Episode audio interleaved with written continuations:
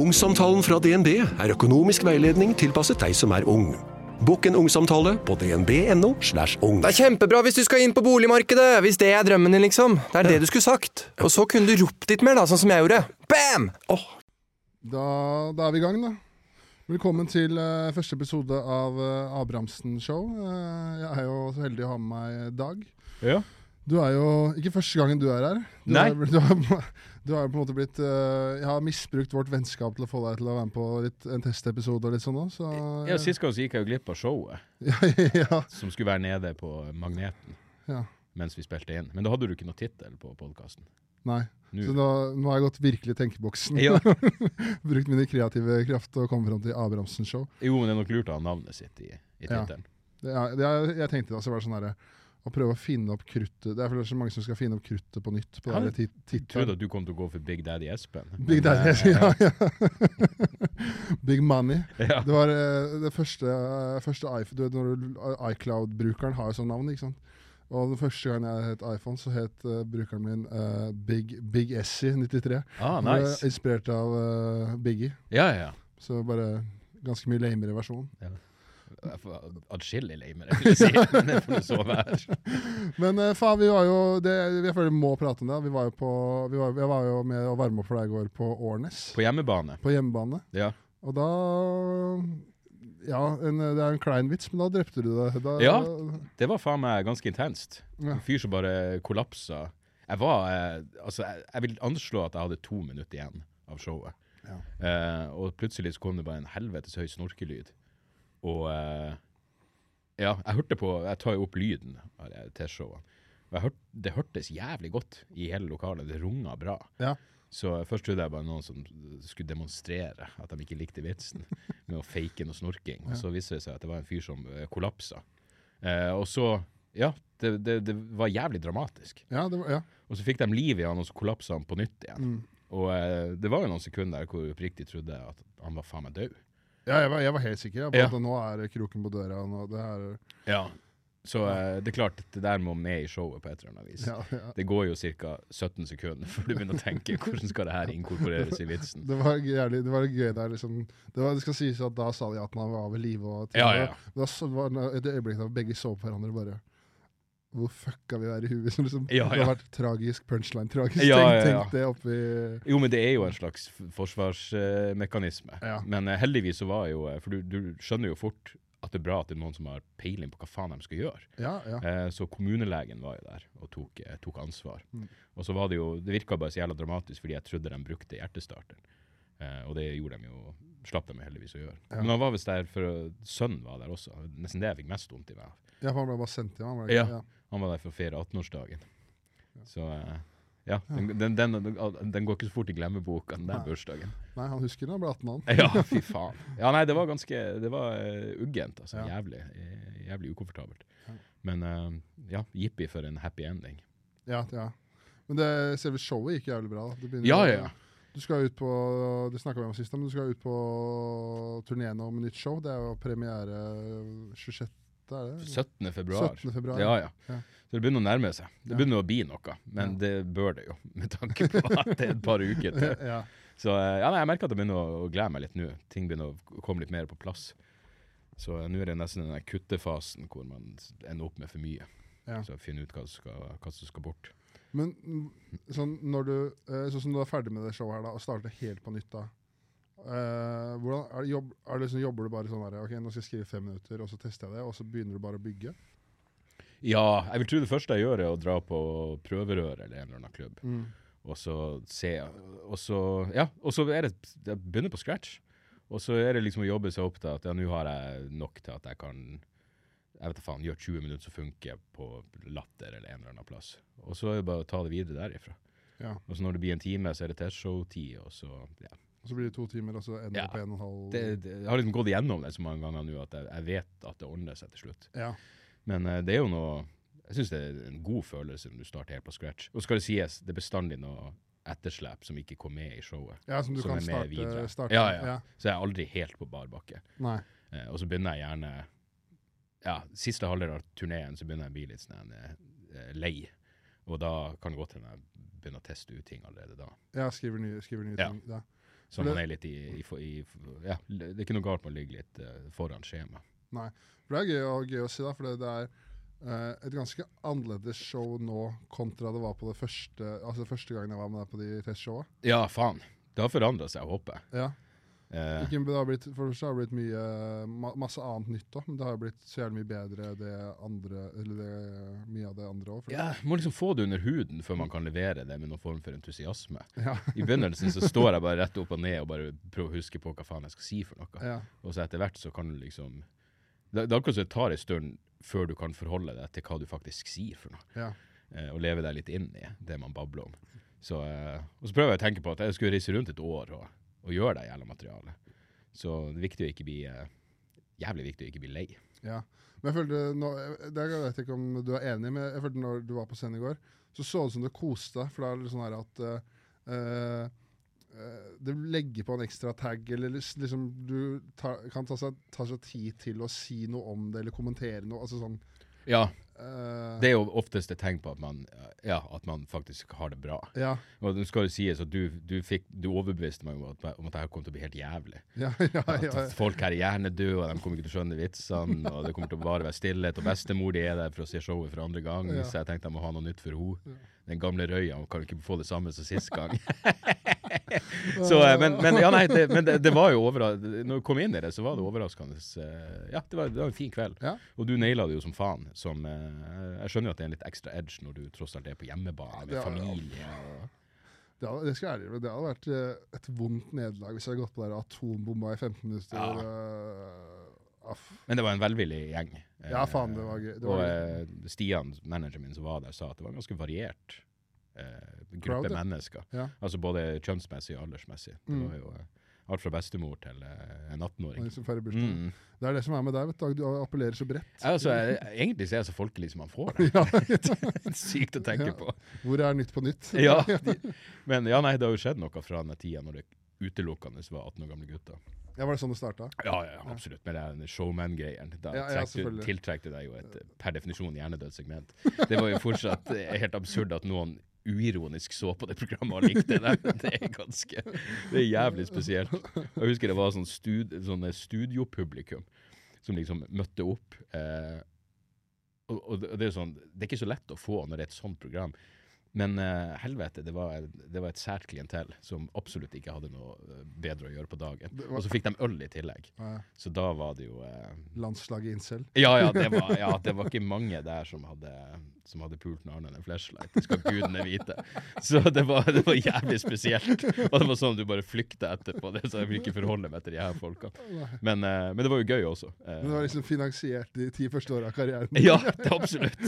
Det var jo det. Ja. Men eh, ja, nei, det er rart å, se tilbake på. Men eh, det var jo også det som gjorde at jeg kunne trekke mitt eget publikum. Så faktisk takknemlig for at jeg fikk den, fikk den sjansen. Ja. Og han som var produsent, jeg var jævlig kul og hele tida fikk Han klarte å deale ting på en sånn her rad. Det var egentlig ikke lov å ha alkoholservering, men på et eller annet vis så fikk han noe direkte sponsorgreier med Ås bryggeri, hvor vi ja. bare hadde sånn snikreklame. Så masse sånn. Det var mye lovbrudd, okay, ja. men, eh, men å slappe unna med det. Det er jo fordelen med når egentlig ingen ser på programmet også. Ja. Du kan si hva faen du vil, fordi Men jeg tenker i løpet av en uke eller i løpet av en måned så må det ha vært sett litt, da, for det må ha liksom surra godt på bakgrunnen der på Sebra eller Ja, det gikk jo Det, det, føltes som det gikk hele jævla tida. Og så Ja. gikk det på hovedkanalen sånn på natta. Mm. Så i løpet av ei uke så, så var det jo noen, eh, noen tusen øyer innom Mm. det faenskapet. Utrolig nok. Eh, jeg husker ikke hvordan Jeg lurer på om vi spilte inn flere episoder per gang. Og jeg husker ikke hvor mange ganger i uka det gikk, men jeg tror det var et par ganger i uka. Ja. Så, um, men etter hvert så ble jo så i, I starten så var det jo sånn For jeg hadde jo sånn monologer oppi det der greiene, og da var jeg jævlig godt forberedt. Og det endte på slutten så var det sånn Jeg visste ikke hva jeg skulle si når jeg kom dit. Jeg kunne stå sånn Faen, det er en time til innspilling, jeg burde vel finne på et eller annet. Fikk et veldig avslappa forhold til, til jobben. Ja. Men uh, det varte vel et par-tre sesonger, tror jeg. Ja. Mm. Men øh, for det uh, Hva skal jeg si at Du vet, forhold til de som kom på show da, men nå føler jeg på en måte at ditt publikum er sånn her Nå kan det være sånn som i går, da. At det, det, kan, det er like mye jenter som gutter nesten på show, da. Ja, jeg tror faen meg Jeg pleier bestandig å si jeg tror det er 60-40. Ja. Eh, og det er jo eh, helt topp. Jeg mener, ingenting er bedre enn det. Også fordi damer tror jeg har en siviliserende effekt i det publikummet. ja, ja. Så eh, ja, nei, jeg, jeg er veldig glad for det, og slutter aldri å bli forbløffa over at det, det tross alt ser ut til å ha en slags bred appell. Eh, utrolig nok. Det er sånn sånn 500 18 år gamle gutter som har sett på show deg, og på deg, så går de og stormer et kjøpesenter etterpå. Ja, ja, ja, det er liksom Det her er det siste sosiale de skal gjøre før skoleskyting. Så det er Ja, nei, jeg er glad de dagene er, er over. Ja. Men når du, når du var på du, Var det sosiale medier når du var på Manshow? Nei, det var, det var vel Facebook, tror jeg. Ja. Jeg husker at ei venninne start Det som nå er den der Hva faen heter det for noe? Fanside, eller hva enn. Det Ja, Ja. Facebook-sida som liksom er for meg som komiker. Det var det ei venninne som starta. OK. Uh, satte i gang hele greia. Så det var jo uh, Ja. Men nei, det var jo ikke noe Hva faen var det, da? 2010? Jeg har ikke noe inntrykk av at det var noe særlig. Nei. Så du fikk liksom ikke noen sånne meldinger at uh, Jeg må jo tenke, Nei, det var vel på Facebook, stort sett. Ja. Eh, ja, det var, ja det, var, det var mye sånn eh, eh, fylleringing klokka tre på natta. Hvis var et fremmed nummer da, så visste jeg at nå er det en eller annen showman-fan som skal dele sin visdom. Det er kjedelig å få en telefonsamtale klokka tre. Jorda er flat. ja, ja, ja nei, nei, jeg tror det var, det var mye, mye rart der. Men, eh, men herregud, det er bare trivelig. Særlig da så var det jo helt fortreffelig med oppmerksomhet. Så er stas, ja. ja. Mm. Det er kanskje ikke så, så viktig nå lenger å bli fylleringt klokka tre på natta. Nei, det, det er lenge siden det har skjedd, men Ja. eh, jeg syns fortsatt det er hyggelig når noen sier hei. Ja. Fordi folk er jo stort sett jævlig trivelige. Mm. Det er liksom ikke noe Det er ikke noe mas. Nei, Det er det ikke. Men jeg føler at jeg er på sånn perfekt eh, CD-kjendisnivå, hvor det egentlig Ja. Det er ikke noe det aldri noe- ned aldri noe Ja, det er veldig Det er lite stress med det. Ja.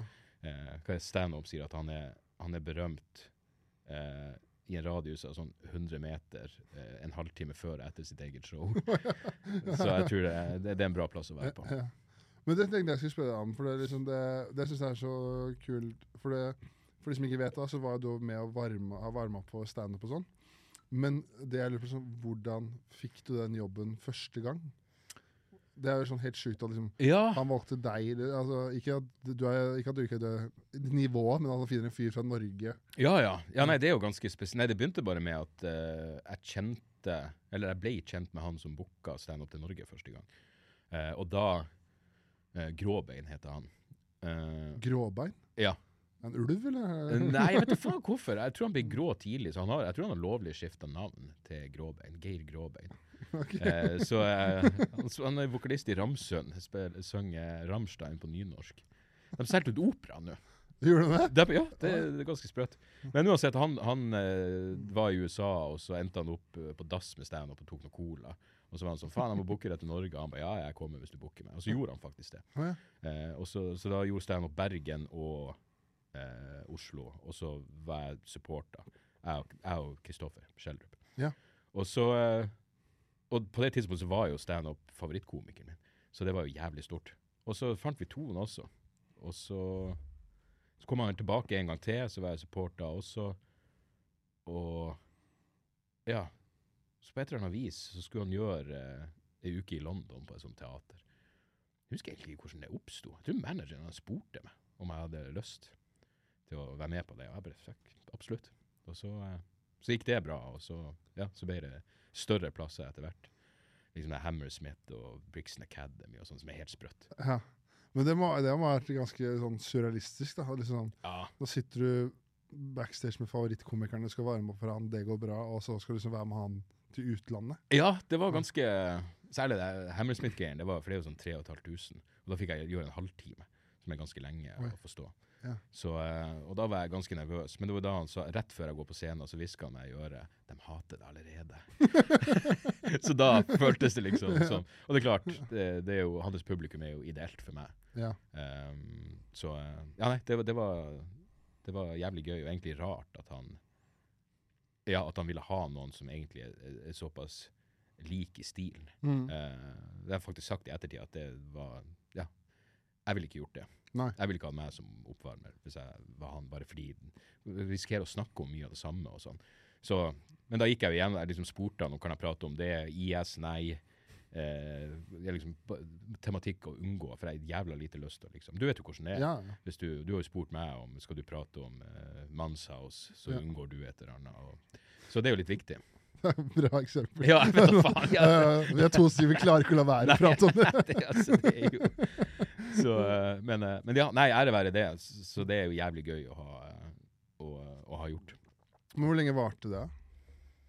Nei, det begynte vel i 2000 og, 2000, var vel 2008 første gang. Ja. Og så året etter, og 2010, og så var det den runden i, eh, i England da i 2015. Okay, ja. Så det var eh, Og så, ja. Og da var jeg med også når han gjorde Sentrum Scene og sånn. Så. ja. Men i 2008 lev, levde du av standup da? Ja, det er jo et vagt spørsmål, egentlig. Jeg bestemte meg liksom Du overlevde? Eh, Ja, jeg overlevde. Mm. Eh, og det var, ja, det var ganske Det var under fattigdomsgrensa i mange år. Ja. Men uh, jeg bestemte meg ganske tidlig for at det her skal jeg satse på. Og da føltes det som Jeg kan ikke gjøre noe annet. Nei. Jeg kan ikke ha noe jobb på sida. Det må, her må være Jeg hadde vel noe sånn en romantisert forhold av forhold til det her å skulle være utøvende kunstner eller et eller annet. Ja. Sånn der piss som bare gjorde at jeg tenkte jeg må, jeg må satse fulltid på det. Men det var jo ei utfordring av dimensjoner. Og så var jeg jo Jeg var jo ikke noe jeg, jeg skrev jo bra vitser, føler jeg, men jeg var ikke noe god på å levere dem. Jeg var sånn en, Hvis jeg kom skjevt ut, så var det ingen vei tilbake. Jeg kunne ikke ta meg inn igjen. Eh, hvis de hata meg, så hadde ikke jeg noe sånn eh, det, det var ikke så mye sjarm i bånn, Ja. for å si det mildt. Så da var det mer sånn Nei, men da får jeg bare fokusere på den ene personen som liker det jeg gjør. Ja. Så, eh, så det var jo det var aldri noen firmajobber og sånne her ting. Eh, Det er jo fortsatt relativt lite av, men eh, ja, nei, på et eller annet vis så gikk det nå. Det gikk nå rundt. Ja. Stort sett klubbjobber og åpne opp for andre komikere. Det Ja. gjorde jeg en god del av. Så eh, ja. Man husker de som behandler deg OK i starten. Eh, Jeg har et varmt eh, jeg har fortsatt et varmt forhold til mange av dem. uavhengig av hva jeg syns om humoren deres. ja, ja. Det er, er fine mennesker. Ja. ja. ja men det, det, jeg merker det sånn i starten, altså sånn som nå, da. Så er det jo begrensa Føler jeg at det er begrensa hvor dritt det kan gå for deg.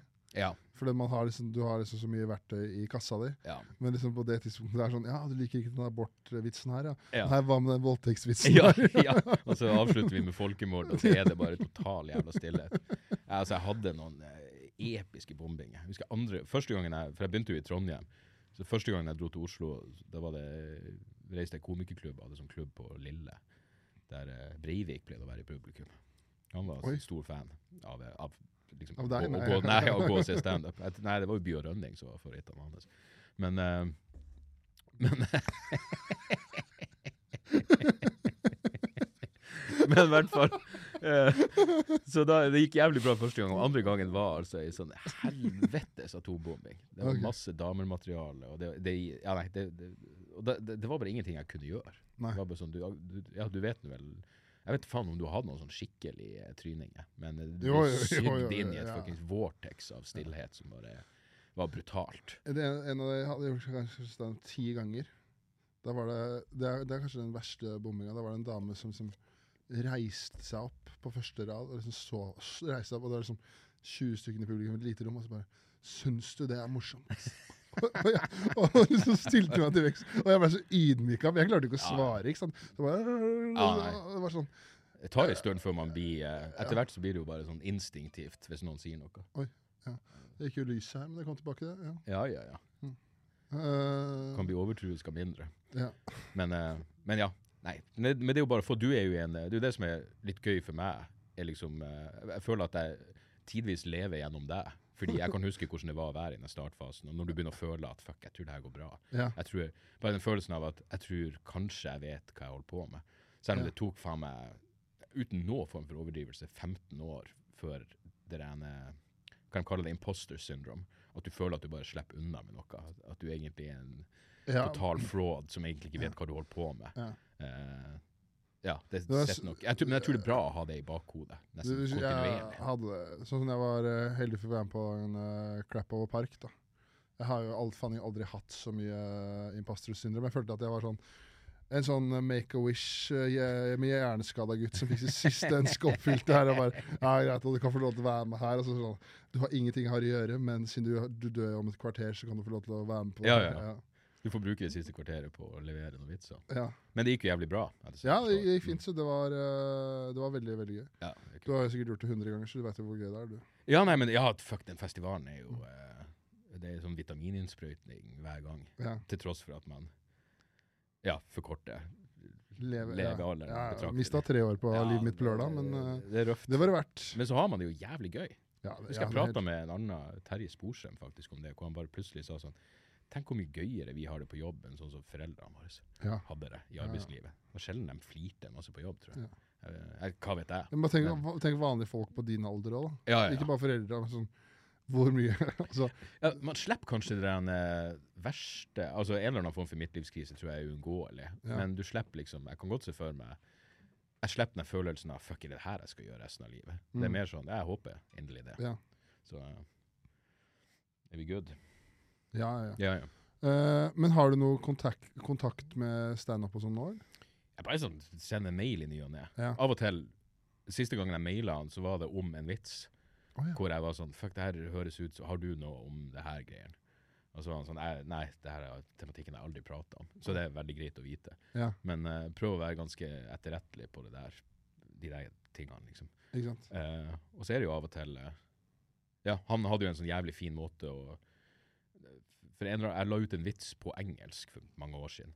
Og så på et sånt forum, det her var jo back in the day, en sånn Musikkmaskined var et band jeg likte, som hadde sånn veldig levende forum med masse interessante folk. Og så skrev jeg liksom at ja, jeg, jeg la ut en eller annen vits, og det var noen som skrev 'Den her har du stjålet av standup'. Jeg bare fuck, det er jeg 100 sikker på at jeg ikke har gjort.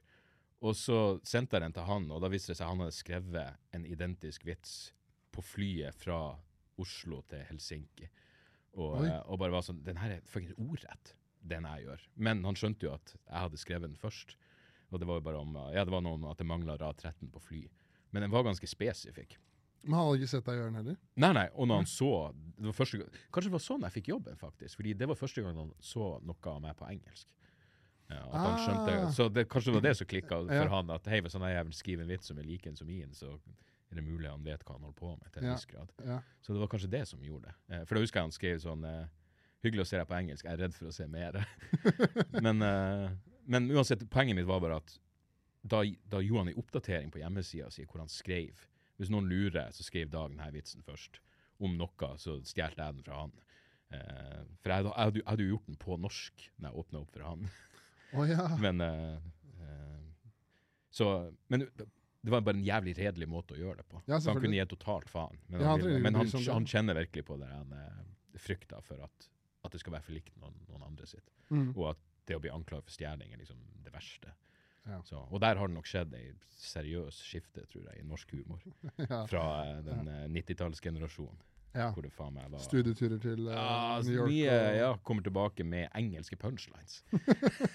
det er spesielt. Du faen ikke gidder å oversette dem ordentlig. Det er, det er faen meg halvhjertet, Altså. Ja, ja. Ikke har ikke skrivemateriale engang, du gadd ikke å oversette det engang.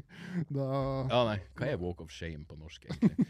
Men, uh, ja, men, men der tror jeg nok med, med din generasjon komikere at det er en selvfølge at ja, folk vet at det gjør du faen ikke. Og internett hjelper jo selvfølgelig der, ja, siden alt er, alt er tilgjengelig.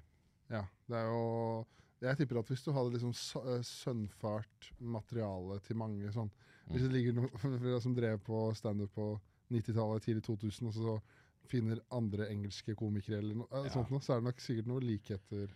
Ja, fy faen. eh, men ofte når det er stjeling, så for det første stjeler de jo fra dårlige komikere, og det er jo provoserende. Men jeg skal ikke nevne navn, men jeg husker jeg er kanskje ti år siden så sto jeg og så på en, en ganske profilert norsk komiker sammen med en annen. Og jeg, følger ikke med på britisk humor, så jeg har ikke peiling på liksom, britiske komikere. Men liksom, nesten etter hver vits så sa bare han 'det der er han', 'det der er han', 'det der er han'. Det bare fortsatte. Det var en sånn virkelig sånn humornerd. Og da slo det meg helvete, altså. Det er, det er noen skamløse jævla der ute. Ja.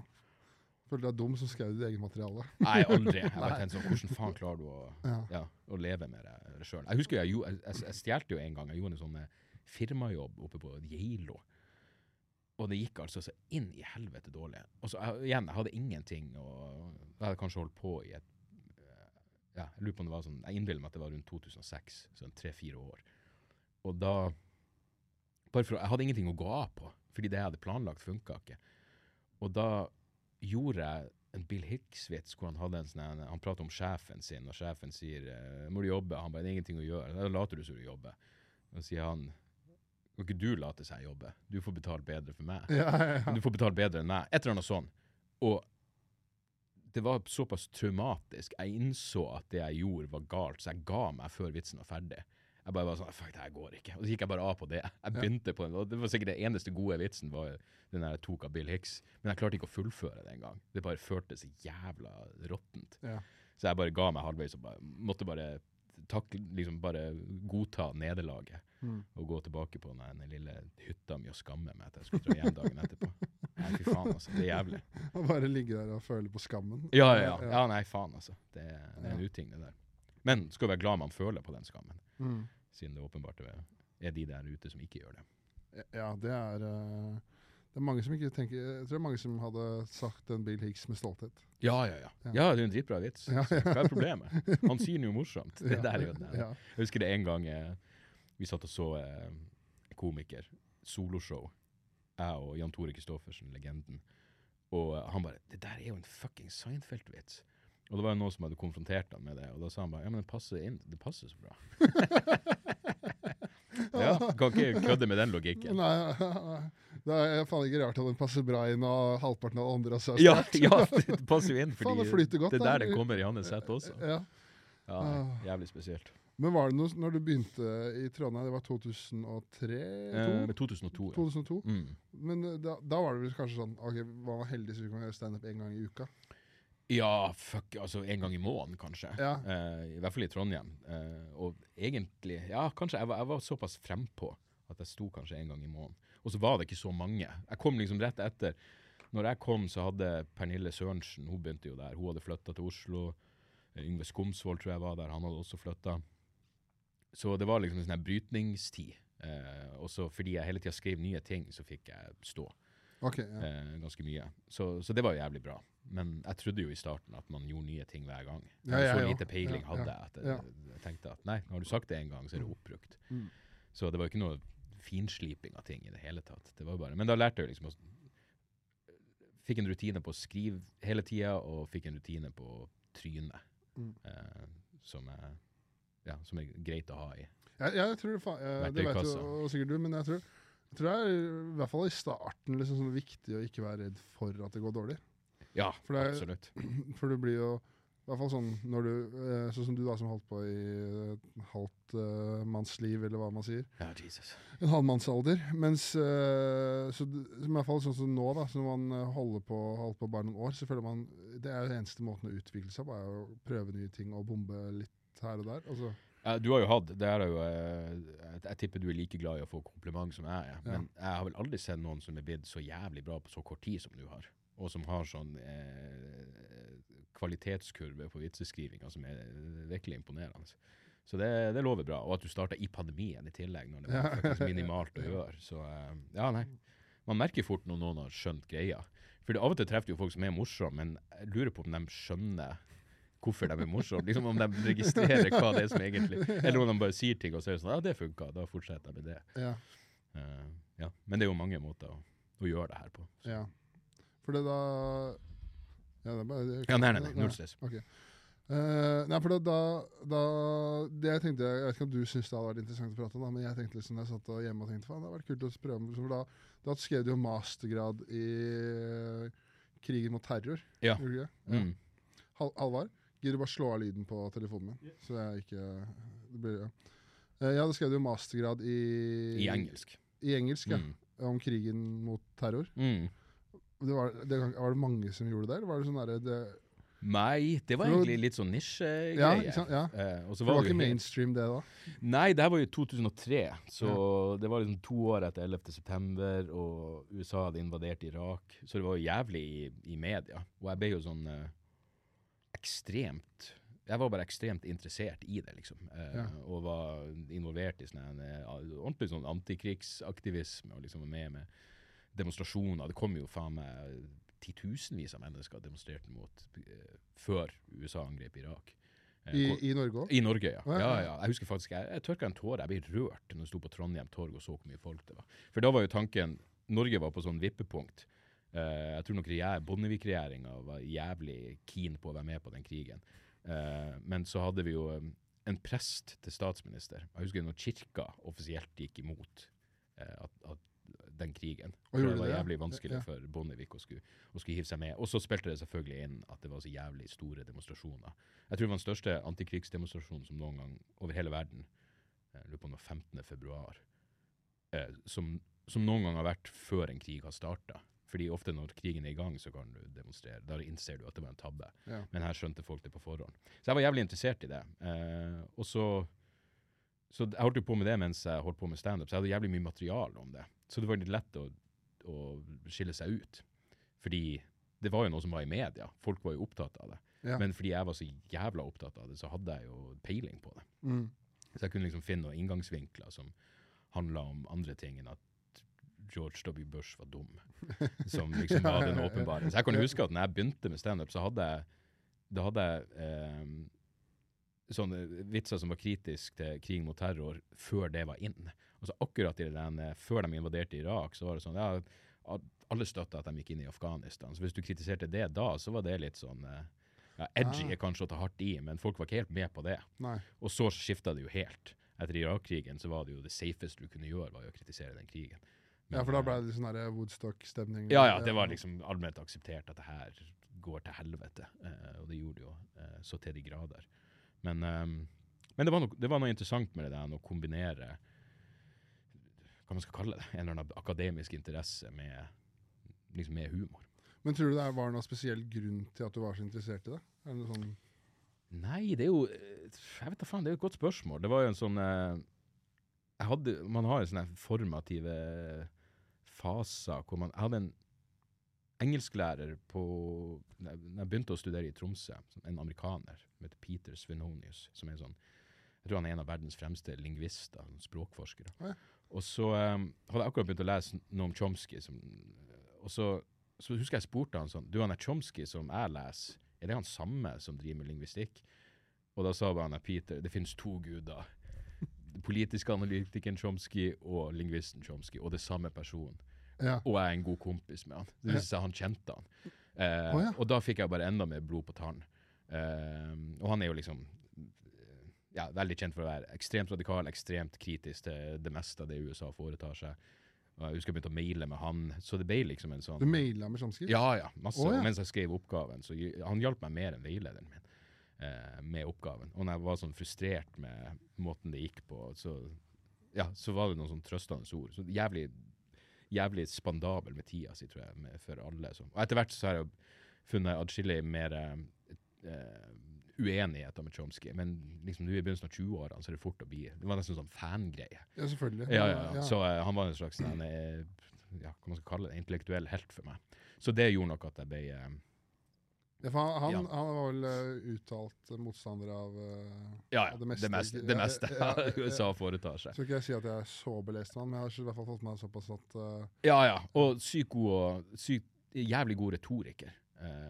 Og av og til litt sånn Jeg, jeg tror han uttaler seg unødvendig provoserende til tider. For det var liksom sånn Ja, 11. september var ille, men det var enda verre når eh, USA bomba en eller annen matfabrikk i Sudan. Og så, fordi det endte opp med at så mange folk sulta i hjel. Det er sånn, Kunne du ikke bare tatt noe mer åpenbart brutalt og jævlig USA har gjort, i stedet for å finne sånn nisjegreier som ingen har hørt om? Det var jo grusomme konsekvenser, absolutt. Men jeg tror nesten det var sånn eh, unødvendig provoserende, rett og slett for å få folk til å, til å tenke, liksom. Mm. Uh, så, eh, så ja, nei, han var nok grunnen til at jeg ble ekstremt interessert i det. Og det var jo sånn, jeg husker jeg sto liksom opp, jeg pleide å gå opp til skolen, fordi da hadde de laser, eller printer hvor du printa ut på begge sidene. Ja. Og, og, og skrev ut sånne, jeg vet da hundrevis av sider med artikler som jeg liksom satt og leste. Så det var det jeg gjorde på dagene, var å lese om det temaet. Og så drikke og gjøre standup på kvelden. Liksom. ja, ja. Men da må det ha blitt en eh, jævla bra oppgave. Ja, ja. Det fikk jo Ja, det, det ble bra. Ja. Du, du kan få fullføre setningen. Ja, nei, nei, ja, men- jeg fikk A. Men ja, jeg fikk A, og så husker jeg faktisk at han eh, han en um, eksterne sensoren sa, som er en av de fremste sånn USA-ekspertene i Norge, jeg blingser på navnet akkurat nå, men han sa at han hadde lært noe av oppgaven. Oi. Og det tror jeg bare er fordi jeg leste så mye sånn nisjeting, og du kan være uenig eller enig eller uenig med alle de ene radikale på venstresida, men du, du finner ofte sånn eh, interessant informasjon som du ikke nødvendigvis finner i sånn mainstream-media. Så, eh, så den største utfordringa mi var jo å være balansert. Ja. Jeg måtte fake en slags balanse. For du vet jo hvordan det er. Du må liksom være sånn ja, på den ene sida, men på den andre sida så kommer du med en konklusjon. Ja. Og konklusjonen var jo åpenbar i hodet mitt fra første øyeblikk. Mm. Eh, men jeg husker jeg ble jævlig sånn Når du blir nærmest jekka ned. Jeg var i, eh, jeg var i Oslo med han veilederen min på en sånn konferanse hvor man skulle legge, legge frem eh, oppgaven sin. Og det var annet den amerikanske ambassadøren der, og så var det eh, en eller annen sånn USA-ekspert. Og når jeg la frem oppgaven min, hva jeg skulle skrive om, så var han sånn Ja, ja, blir det her noe mer enn en fordømmelse à la Noam Chomsky? Og da hadde jeg ikke nevnt Chomsky. Og jeg bare Fuck, ja, den svir litt. Han Så så da- den komme. Han så, ja, fy faen. Og da visste jo ikke jeg hvor, hvor uh, jævla uh, åpenbart det var å være liksom uh, jeg vet da faen, 25 år og fanatisk opptatt av Chomsky. Fordi det er, det er en sånn typisk greie, egentlig, hvis Ja. du er på venstresida. Og opptatt av den typen ting. Men jeg trodde jeg hadde oppdaga liksom, noen som ingen visste om. Det er sånn, Nei, han er den mest siterte etter Bibelen. Så da, ok, så jævla obskur var han vel ikke.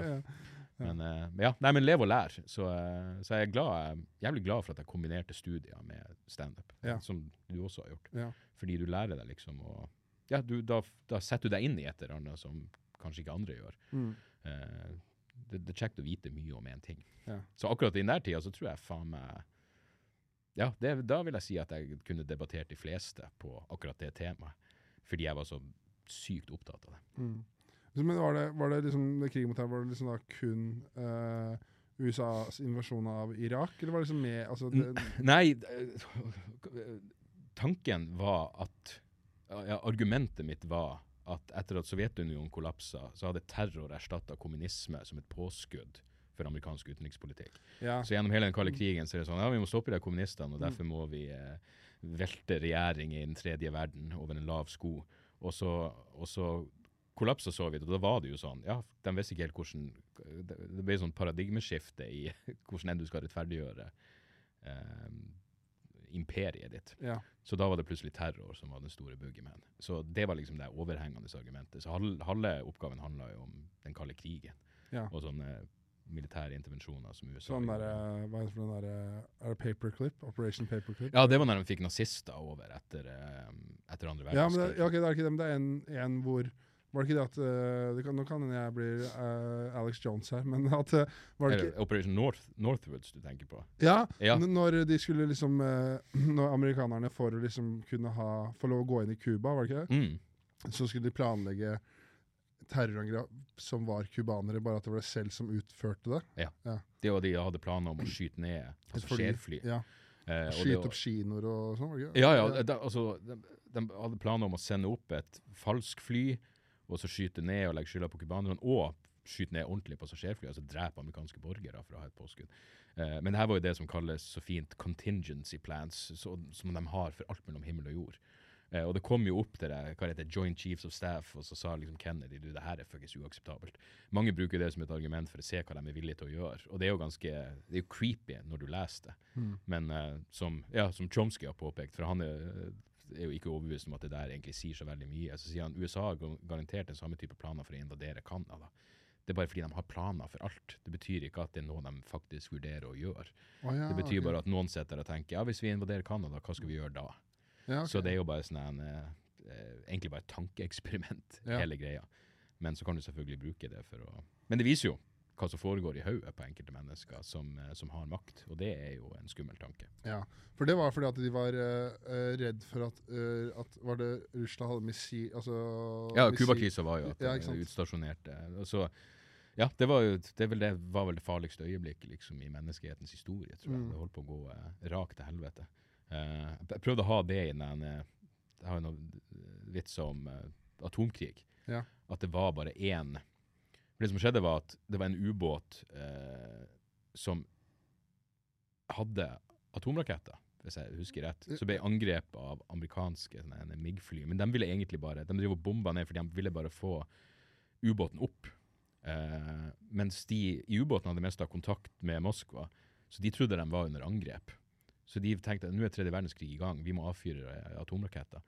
Og så er det tre stykker om bord som må ta avgjørelsen og si ja. Det var liksom det chain of command. Og så var det én som sa nei. Eh, og hadde det ikke vært for han, så tviler jeg på at vi hadde sittet her nå. Og så var det først i 2002, tror jeg, at det kom frem, frem 50 år senere, eh, hvor jævla nært det var å gå Ja, eh, rakt til helvete. Og, og, og han burde liksom være Burde vel sikkert få noen fredspriser. Ja. Og så husker man ikke navnet på han, inkludert meg akkurat nå. Ja, han, ja, det, ja, tror jeg det-. Men, men ja, det så han burde ha vært en, fått én historie, side i historiebøka. Ja, så, jeg husker ikke hva vitsen min var. Jo, det var vel liksom det der at hvis du først har berga menneskeheten, så burde du ha sånn moralsk carte blanche til å gjøre hva faen du vil resten av livet. Men jeg tror ikke han utnytta det til, til noe spesielt. Han gikk vel i grava som er relativt ukjent. ja, selvfølgelig han, eh, det, det, Hvis det hadde vært en amerikaner, så hadde jeg sikkert hørt om han. Oh, ja, men det Helvete. en, eh, Da hadde han hengt på veggen der nå. ja, ja, stakkars russer, så var det liksom ikke så farlig. Ja, nei. Men, men det er klart, man blir jo sånn en, eh, veldig eh, Jeg tenkte faktisk på det at du, Har du prøvd den der chat-GPT? Ja, litt Rann, ja. Jeg tror nesten jeg var den. Jeg var sånn som det, I forstand av at jeg kunne ting, men det var ikke som jeg tenkte. Jeg hadde egentlig ikke noen selvstendige tanker. Jeg hadde jo bare Ah. memorisert argument. ja. Det var apropos, det var, det var VG-artikkel uh, senest om det i går, om det der chat-GBT. Ja. For da var det noen som hadde skrevet, skulle skrive en oppgave eller skrive om norske helter. Du, jeg fikk den akkurat på melding. Har det stått om det i VG? Ja, Kan jeg bare lese opp? Ja, det er så jævlig ja, gøy. Hvis du tar den nedenifra og opp, så er det altså helt fantastisk. Så han har spurt eh, om norske helter etter år 2000. Og da går det liksom eh, Magnus Carlsen, Peter Northug, Jens Stoltenberg, og så er det Anders Behring Breivik. En høyreekstrem terrorist som drepte 77 mennesker i 2011. Han er øverst på lista over norske helter. Og da er det sånn Helvete. Det er darkness. ja, greit, greit å vite at ChatGPT er nynazist. Ja, ja, ja. Jo, men det er jo ofte det som skjer. De, ja, det, var ikke en sånn eh, kunstig intelligens de hadde, som bare var på Twitter i stund, og så begynte den bare å skrive sånne rasistiske og kvinnehatende ting. Fordi den lærte av Læringsgrunnlaget var liksom tweets. Og der er, er det jo mye, mye mørke. ja, det ikke, jeg føler ikke at eh, Twitter er liksom mekka for kunnskap. Nei, nei, nei. Nei, på ingen måte. Så, eh, eller det kan jo være det. Kommer jo selvfølgelig an på hvem man følger. Jo, men sånn totalt sett. Ja, nei, nei, nei. det er, ja, det, Ja, nei, skal du ha kunnskap, tror jeg du må andre plasser. ja. Men er du, er du, for, du er ikke like opptatt av det nå? Eller, eller? Nei, Eller Nei, det er jeg jo absolutt ikke. Men jeg følger jo ikke like nøye med. Men eh, Eller, jeg, jeg går ikke like mye i dybden som jeg gjorde en gang i tida. Mm. Pluss at jeg har fått litt mer eh, balansert syn på ting, og skjønt at det, det er andre land som Jeg tror det er derfor jeg reagerte ganske på, på Eller jeg reagerer nå på ja, sånn som Rødt, da. Ja. Som fortsatt har den ene USA er rota til alt ondt-tankegangen, og vi kan ikke støtte ukrainere med våpen fordi Nato er Da, da støtter vi Nato. Uh, fordi jeg vet at hvis, hvis jeg var 25 nå, så ville jeg brukt de argumentene. Og Jeg tror når du kjenner deg sjøl igjen i tankegangen, så blir du enda mer eh, provosert over det. Så, eh, så jeg har nok fått en atskillig mer nyansert syn på eh, Jeg mener, det står jo fortsatt for at det, USA gjør grusomme ting, men eh, det er flere som kan spille den Bidra. det bidra Ja, ja. med den leken. Ja. Og eh, ja, både russerne og jeg vil, jeg vil ikke leve i en verden dominert av Kina. Jeg tror nok de har et verdigrunnlag som er ganske fucka. Så, så jeg, jeg kan huske det var en sånn Det var en vits jeg prøvde å gjøre, for det var en annen fyr jeg drev og Jeg maila med ganske mye sånne eh, forfattere mens jeg skrev oppgaven, fordi jeg skjønte liksom at de fleste har mailadressen sin tilgjengelig. og De fleste av dem er ganske interessert i å høre fra deg hvis du er sånn nerdete opptatt av ting de liksom jobber med. Ja. Og det er en som heter William Bloom, som, eh, som jobba for CIA en stund. Og så, så slutta han, og så begynte han å bli veldig kritisk og skrev en fantastisk bok som heter 'Killing Hope'. Så bare Hele boka er bare 500 sider med alt faenskapet USA gjorde etter andre verdenskrig. Det var bare intervensjon etter intervensjon. Sinnssykt mye. Eh, og han skrev eh, en artikkel eh, ganske kort tid før han daua, hvor han var sånn nå må folk faen meg jekke seg ned og si at USA er like ille som IS, er å gå jævlig langt. For det var liksom en sånn okay, ja, så han Så, ja, og han fikk så sykt mye blowback på det. Og da tenkte Ja. jeg, da er det noe ekstremt galt med deler av venstresida. Hvis du ikke skjønner at IS er verre. Si hva du vil om US Marines på oppdrag, men de er ikke stolt over å kaste homofile fra, fra bygninger. Hvis Ja. de begår en massakre, så prøver de å dekke over det. Ja. Mens IS vil filme det og legge det ut på nettet. Ja. Og det var da jeg begynte å få en sånn De heller- vet- ja, Det er, ba, det er ikke så mye barn i den amerikanske marinen heller som Nei. med bombebelte. Nei, fy faen, altså. Så det ble sånn, OK, nå må, vi, eh, nå må vi jekke ned. Så jeg har gått ganske over på Jeg prøver ikke å overkompensere med å gå for langt andre veien. Ja. Eh, og liksom plutselig skal bli eh, USA, USA. Men, men eh, alt de gjør, er ikke per definisjon jævlig. Jeg, jeg tror bare land er, De er det mektigste landet, og da vil de gjøre mest faenskap. På samme måte som Norge ville gjort mest faenskap hvis vi var det mektigste landet. Jeg tror Ja. ikke det er noe unikt med USA i den forstand. Nei. Jeg tror bare det er sånn Ja, sånn holdt Storbritannia på når de var et imperium. Så, så tar det andre over, og så når romerske imperiet på. Så, det er, så er det noen nye som tar over stafettpinnen. Ja. Men hvis det blir kinesere, så tror jeg det kan bli eh, spennende. Ja. Ja. Det er jo, du trenger ikke å lese så veldig mange historiebøker for å lese om eh, hva Storbritannia drev med i Afrika India. Og Ja, nei, det, er helvete. det er mørke, mørke helvete. Jeg tror det mørkeste var faktisk Belgia i Kongo. For de var sånn de, Britene hadde i det minste en sånn idé om at vi skal sivilisere og alt det der pisspratet som man alltid sier. Eh, rettferdiggjøring. Mens Belgia de, de var mer sånn Nei, nei, vi vil bare ha ressursene deres. Vi skal bare voldta landet deres, og så, Mm. eh, så tar vi det vi skal ha, og så stikker vi. Så um, Og er, ja, det, og det er vel eh, eh, og det er, Kongo er vel et av de Jeg tror, eh, hvis jeg har lest feil, det er et av de i hvert fall, et av mest sånn derre eh, naturlig eh, rikdom Ja, ja, naturlig, naturressurser, Ja, ja. naturressurser og naturlig rikdom i hele verden er altså, jo at de har det der Ja, det er kobalt eh, Faktisk kudos til Joe Rogan for å ha hatt en bra gjest. Ja, det var en som bra pratet om episode. det, Ja. Cobalt Red er akkurat eh, eh, fått tak i den boka, som virker jævlig interessant, men det er noe absurd med at etter de jævlig De har liksom hatt en Etter holocaust så ble det vel drept flest mennesker i Kongo i- når de hadde den der borgerkrigen. der. Sånn fem-seks millioner, tror jeg. Eh, så eh, rimelig jævlige saker. Og så er det bare der Det kunne vært et rikt land Ja. hvis det ikke var bevisst eh, Kan de kalle det eh, eh, underdeveloped. Så eh, Ja, nei, det er ikke noe rettferdighet i verden. Nei. Det er ikke det. Og det er mye, det er mye darkness der ute.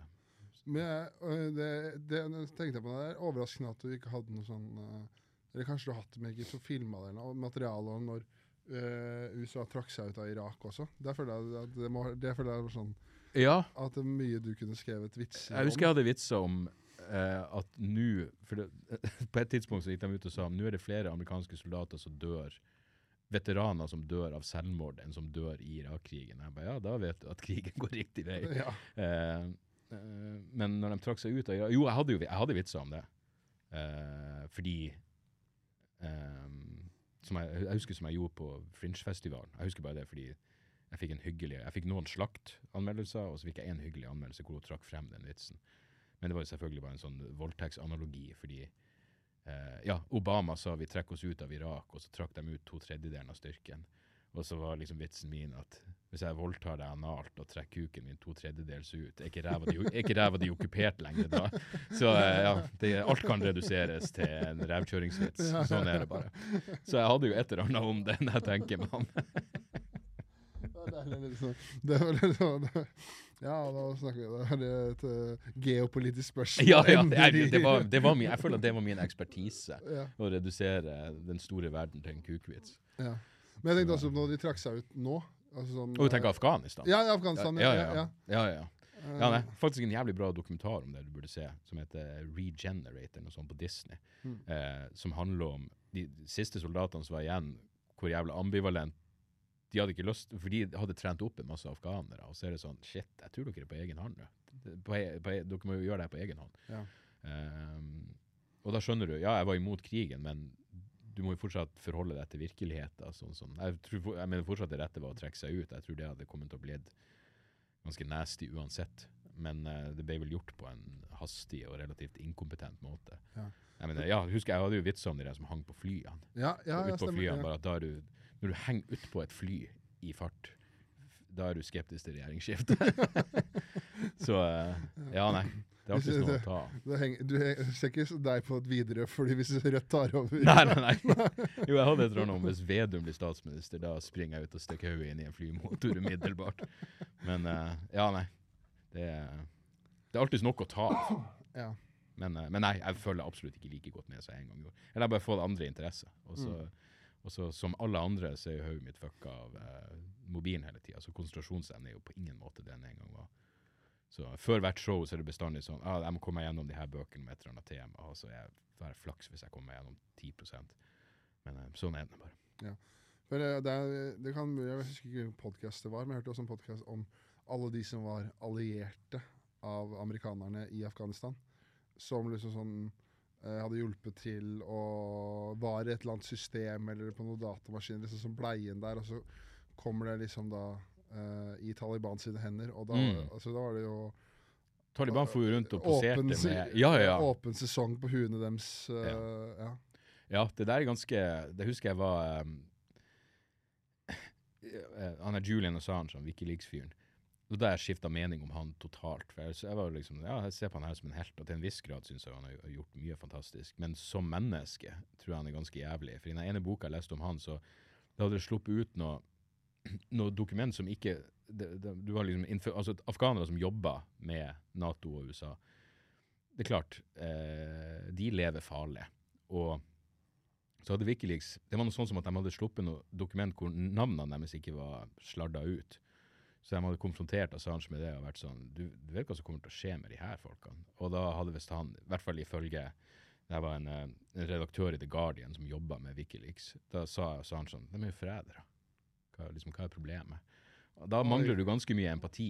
Ja. Eh, fordi tenk på hvem fienden deres er, tross alt. Det er folk som kjemper mot Taliban. Mm. Jeg kan godt skjønne at jeg kan være mot krigen og fortsatt forstå at afghanere vil samarbeide med amerikanerne i den situasjonen, med tanke på hva alternativet viste seg å være. Ja. Så um, ja, da, er, da, da lever du i en litt for teoretisk verden, tenker jeg. Ja, det, ja, det er mørkt, altså. Mm. Men det er uh, tror, Kjøpte du noen gang det med at, uh, at når liksom Det ble vinkla som at uh, Taliban hadde blitt Nå hadde de reformert seg. Ja, og- Taliban 2.0 ja, var liksom så jævla mye bedre. Nei, jeg tror de fleste Jeg vet ikke. Jeg, jeg, tenkte, det, vel- det jeg tenkte vel som alle andre at de, eh, de flotter seg til de har tatt over, og så får du se hvordan fordi Problemet blir jo at Taliban hadde styrt deler av Afghanistan allerede. altså Alle de landsbyene. og Det der. Bare var liksom i Kabul at de ikke var. Eh, men det er jo et eh, det, det er vanskelig å se noen sånne positive eh, Å ha noen sånn håpefulle fremtidsutsikter for, for det der landet. Det, jeg vet da faen hva man skal gjøre. Og så er det vanskelig. Jeg, jeg tror ikke du kan gå inn fra utsida og, og, skal, og skal liksom oppdra noen til demokrati når det er et helt fjern tankegang. Ja, og når det er sånn derre sånn, eh, Helt innenfra, helt mot tank, ditt eget tankesett. Det må ta ganske lang tid. Ja, ja. Jeg mener, hvis noen lever i et samfunn hvor det er sånn Nei, men det er klart det er klart hun må steines. Hun ble jo voldtatt. Hva vi skal gjøre? Ja. Når det liksom er normalisert. Ja. Helvete, altså. Ja. Det, um, Det er mørkt. Ja, det er mørkt. men det er verdt det å tenke liksom på Når vi bare snakker om Bare, bare for å understreke hvor kynisk Jeg husker at jeg hadde en, en vits jeg var fornøyd med om eh, eh, Mens Sovjetunionen okkuperte Afghanistan, så støtta USA alle de radikale islamistene. Blant annet med å sende skolebøker til afghanske barneskoler. Oh, ja. Men tanken var da vi må, vi må, få de her, vi må bidra til at de her ungene vokser opp til å bli krigere. Så mattespørsmålene var sånn Hvis en snikskytter har en russisk soldat i sikte, og han er 2000 meter unna og skyter kule som går så og så fort, hvor lang tid tar det før den treffer den russiske soldaten i hodet? Det var liksom Så de hadde lag, skolen? ja, ja. Så jeg skriver sånn her. Og det her skulle afghanske sjetteklassinger lære, når det er åpenbart er niendeklassepensum.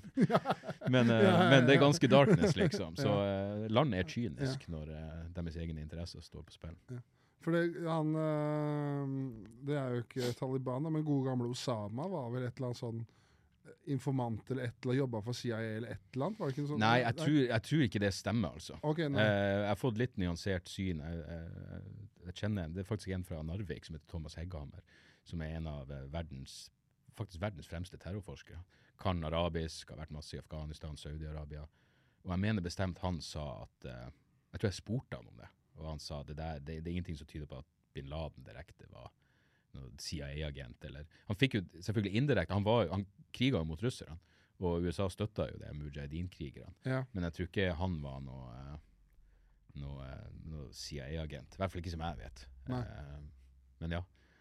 Han eh, Jeg husker faktisk den dagen de, de han fordi jeg kom meg opp fyllesyk av senga fordi dama mi skulle gå på jobb. Så stakk hun bare hodet innom og sa du, de har skutt bin Laden. Jeg bare fuck, det er jo et stort øyeblikk. For det var jo liksom ti år etterpå. Ja. Eh, så ja. De tok han til slutt. Men igjen, ting har Måten de tok han på, de satte opp et falskt vaksinasjonsprogram. Så de Ja. lata altså CIA-folk var lata som de Fordi de, de hadde en mistanke om at han var i Abbottabad, heter det vel i Pakistan. At han befant seg i et bygg. Og når de gjorde sånne, en, hva det heter, recon for å finne ut om det var han, så satte de opp et falskt vaksinasjonsprogram. Og det kom jo ut etterpå, som bare førte til at folk i Pakistan og Afghanistan ble enda mer eh, skeptisk til å ta imot vaksine. Ja. Som er sånn en ganske drøy, utilsikta konsekvens. Mm. Eh, og da må du virkelig spørre om det var verdt det. I tillegg til at Det blir en jævlig nerdete prat, men i tillegg til at når, når, når USA gikk inn i Pakistan, så visste ikke Pakistan om det. Og hvis de hadde... Nei, for de fløy inn der ulovlig ja, ja. nattid. Og Pakistan er en atommakt som er i evinnelig konflikt med India, som også er atommakt. Så tanken var liksom Hvis de bare plutselig skjønner at det, det er fremmede soldater i landet vårt, så vil de jo tro de er i krig med at det mest sannsynlig India som er invadert. Så det kunne også blitt jævlig. Jeg tror Obama sa det etterpå. Det her kan ikke være normen. Fordi det, det er liksom flaks at ikke det her eskalerte. Hadde Ja. de blitt tatt til fange også, du ser den der Zero Dark 30, så Ja, ja. jeg vet ikke hvor liksom hvor reell den ja, er, men det holdt på å gå til helvete. Det, Ja. det ene, ene flyet, helikopteret, ble jo værende igjen. Det ble jo ødelagt. Så, um, Du skulle sprenge det, men det ble jo ikke ordentlig sprengt, eller noe sånt, for du skulle liksom slette den. Ja. og- ja.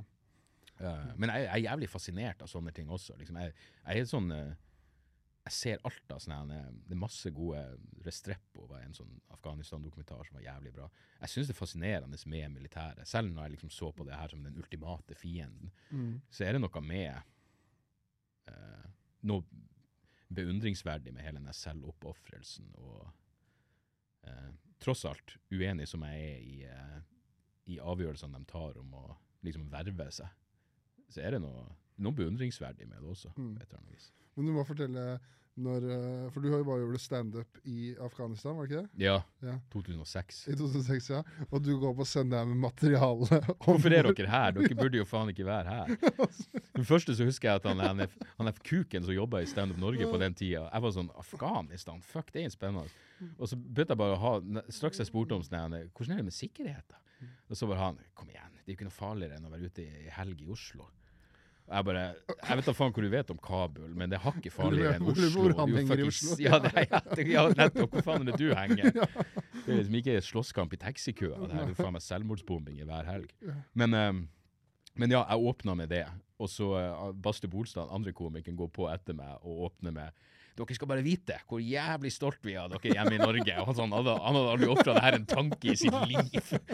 Men da slo det meg jo at eh, fuck, de, eh, jeg var så dum at jeg skjønte ikke at de her folka det siste, Uansett hva de måtte mene om å være der, det siste de vil høre, er at de ikke burde være her. Det er faen meg som å møte opp Du blir leid inn til holde standup på den russiske ambassaden Ja. og snakke om hvor jævlig dritt de Ja, er ja, ja, hva i Ukraina. Hva er det dere holder på med? Ja. Ja, nei, Det var altså så jævlig lite gjennomtenkt. Men da tror jeg det var en del av meg som Jeg var sånn uh, idiotisk sta på at hei, jeg skal ikke fire på prinsippene her. Jeg, jeg drar hit. Jeg husker det var, det var andre komikere som var sånn ikke, Er det her greit for deg? Jeg bryter ikke det med prinsippene dine. Og jeg skjønner jo at Men det er jo sånn Fuck. Ja, hva jeg pleide å si. Jeg får ikke dama mi med på en langviken i Kabul. Det er min ene sjanse til å liksom ferdig. Og jeg kommer ikke til å la det gå til spille bare fordi Men da følte jeg at fuck, jeg må si det jeg mener. Men det var den kvelden, og så var det kun runkevits etter det. Fordi det gikk mye bedre. Jeg tenkte, Det er jo de her jævlene som skal beskytte meg hvis ting går til helvete. liksom. Jeg kan jo fort bli et vådeskudd hvis du provoserer dem tilstrekkelig. Så, eh, men jeg tror bare jeg hadde liksom ikke noe sånn Jeg hadde jo en sånn konfrontasjon oppe på Rena, hvor jeg skulle gjøre Studentersamfunnet på Rena, uten å tenke på at den der militærleira jo Ja, Det var jo halvparten av de i salen var jo akkurat kommet tilbake fra Afghanistan, og jeg sto der. De er faen ikke mer helter enn en, eh, kan jeg sammenligne det med? En, basehopper som krasjer trynet først inn i fjellveggen. Det er ikke sånn De drar dit fordi de bryr seg, de drar dit fordi de vil ha spenning. Jeg står fortsatt inne for det. Jeg tror fortsatt det er sant. Jeg tror fortsatt Hvis du brenner for Afghanistan som nordmann, så er det andre måter å hjelpe på enn å dra dit som soldat. Men jeg hadde liksom ingen forståelse for at de, de her folkene er akkurat tilbake, og kanskje de har tjent noen som har daua. Altså det er jævlig eh, Du skal være bra du skal ha bra kontroll på følelsene dine for ikke å bli jævlig provosert. Ja. Hvis du akkurat er tilbake fra Afghanistan, så står den der jævla jyplingen og tøffer seg og prater dritt om oppdraget. og da var jeg små. Jeg husker han tok meg liksom i de jævla bollekinnene og så sa han, skal vi ta det her utfor. Og gjorde han det? Ja, ja, ja, jeg sa la oss holde det innenfor, der det er øyenvitner. jeg tror til og med jeg hoppa ut av vinduet backstage Uh, på, på studentsamfunnet for å komme tilbake på hotellet. For jeg tenkte sånn, det her kan, eh, Ja. De kan godt gi meg, godt, ja, gi meg juling og bare la meg ligge. Og uh, det ville ikke vært uh, verken utenkelig eller uforståelig. Jeg tror jeg var ganske ufordragelig. Ja, det, det, hadde betalt for mye penger for å se deg stå der litt godt berusa. ja, ja, ja, ja, hva er problemet? Ingen Sitte forståelse. på der posttraumatisk stress. ja, ja. Men jeg husker um, uh, en eh, god venn av meg, Magnus Petner, en jævlig bra svensk komiker, han fortalte at han hadde, han hadde en eller annen vits hvor han prata om eh, jeg vet ikke, at svenske soldater var dårlige, eller noe, så hadde han sånn det var De støkket hodet opp i Afghanistan, og så kom kula. Og så hadde det kommet opp en fyr som Jeg, jeg tror broren hans hadde blitt skutt i Afghanistan.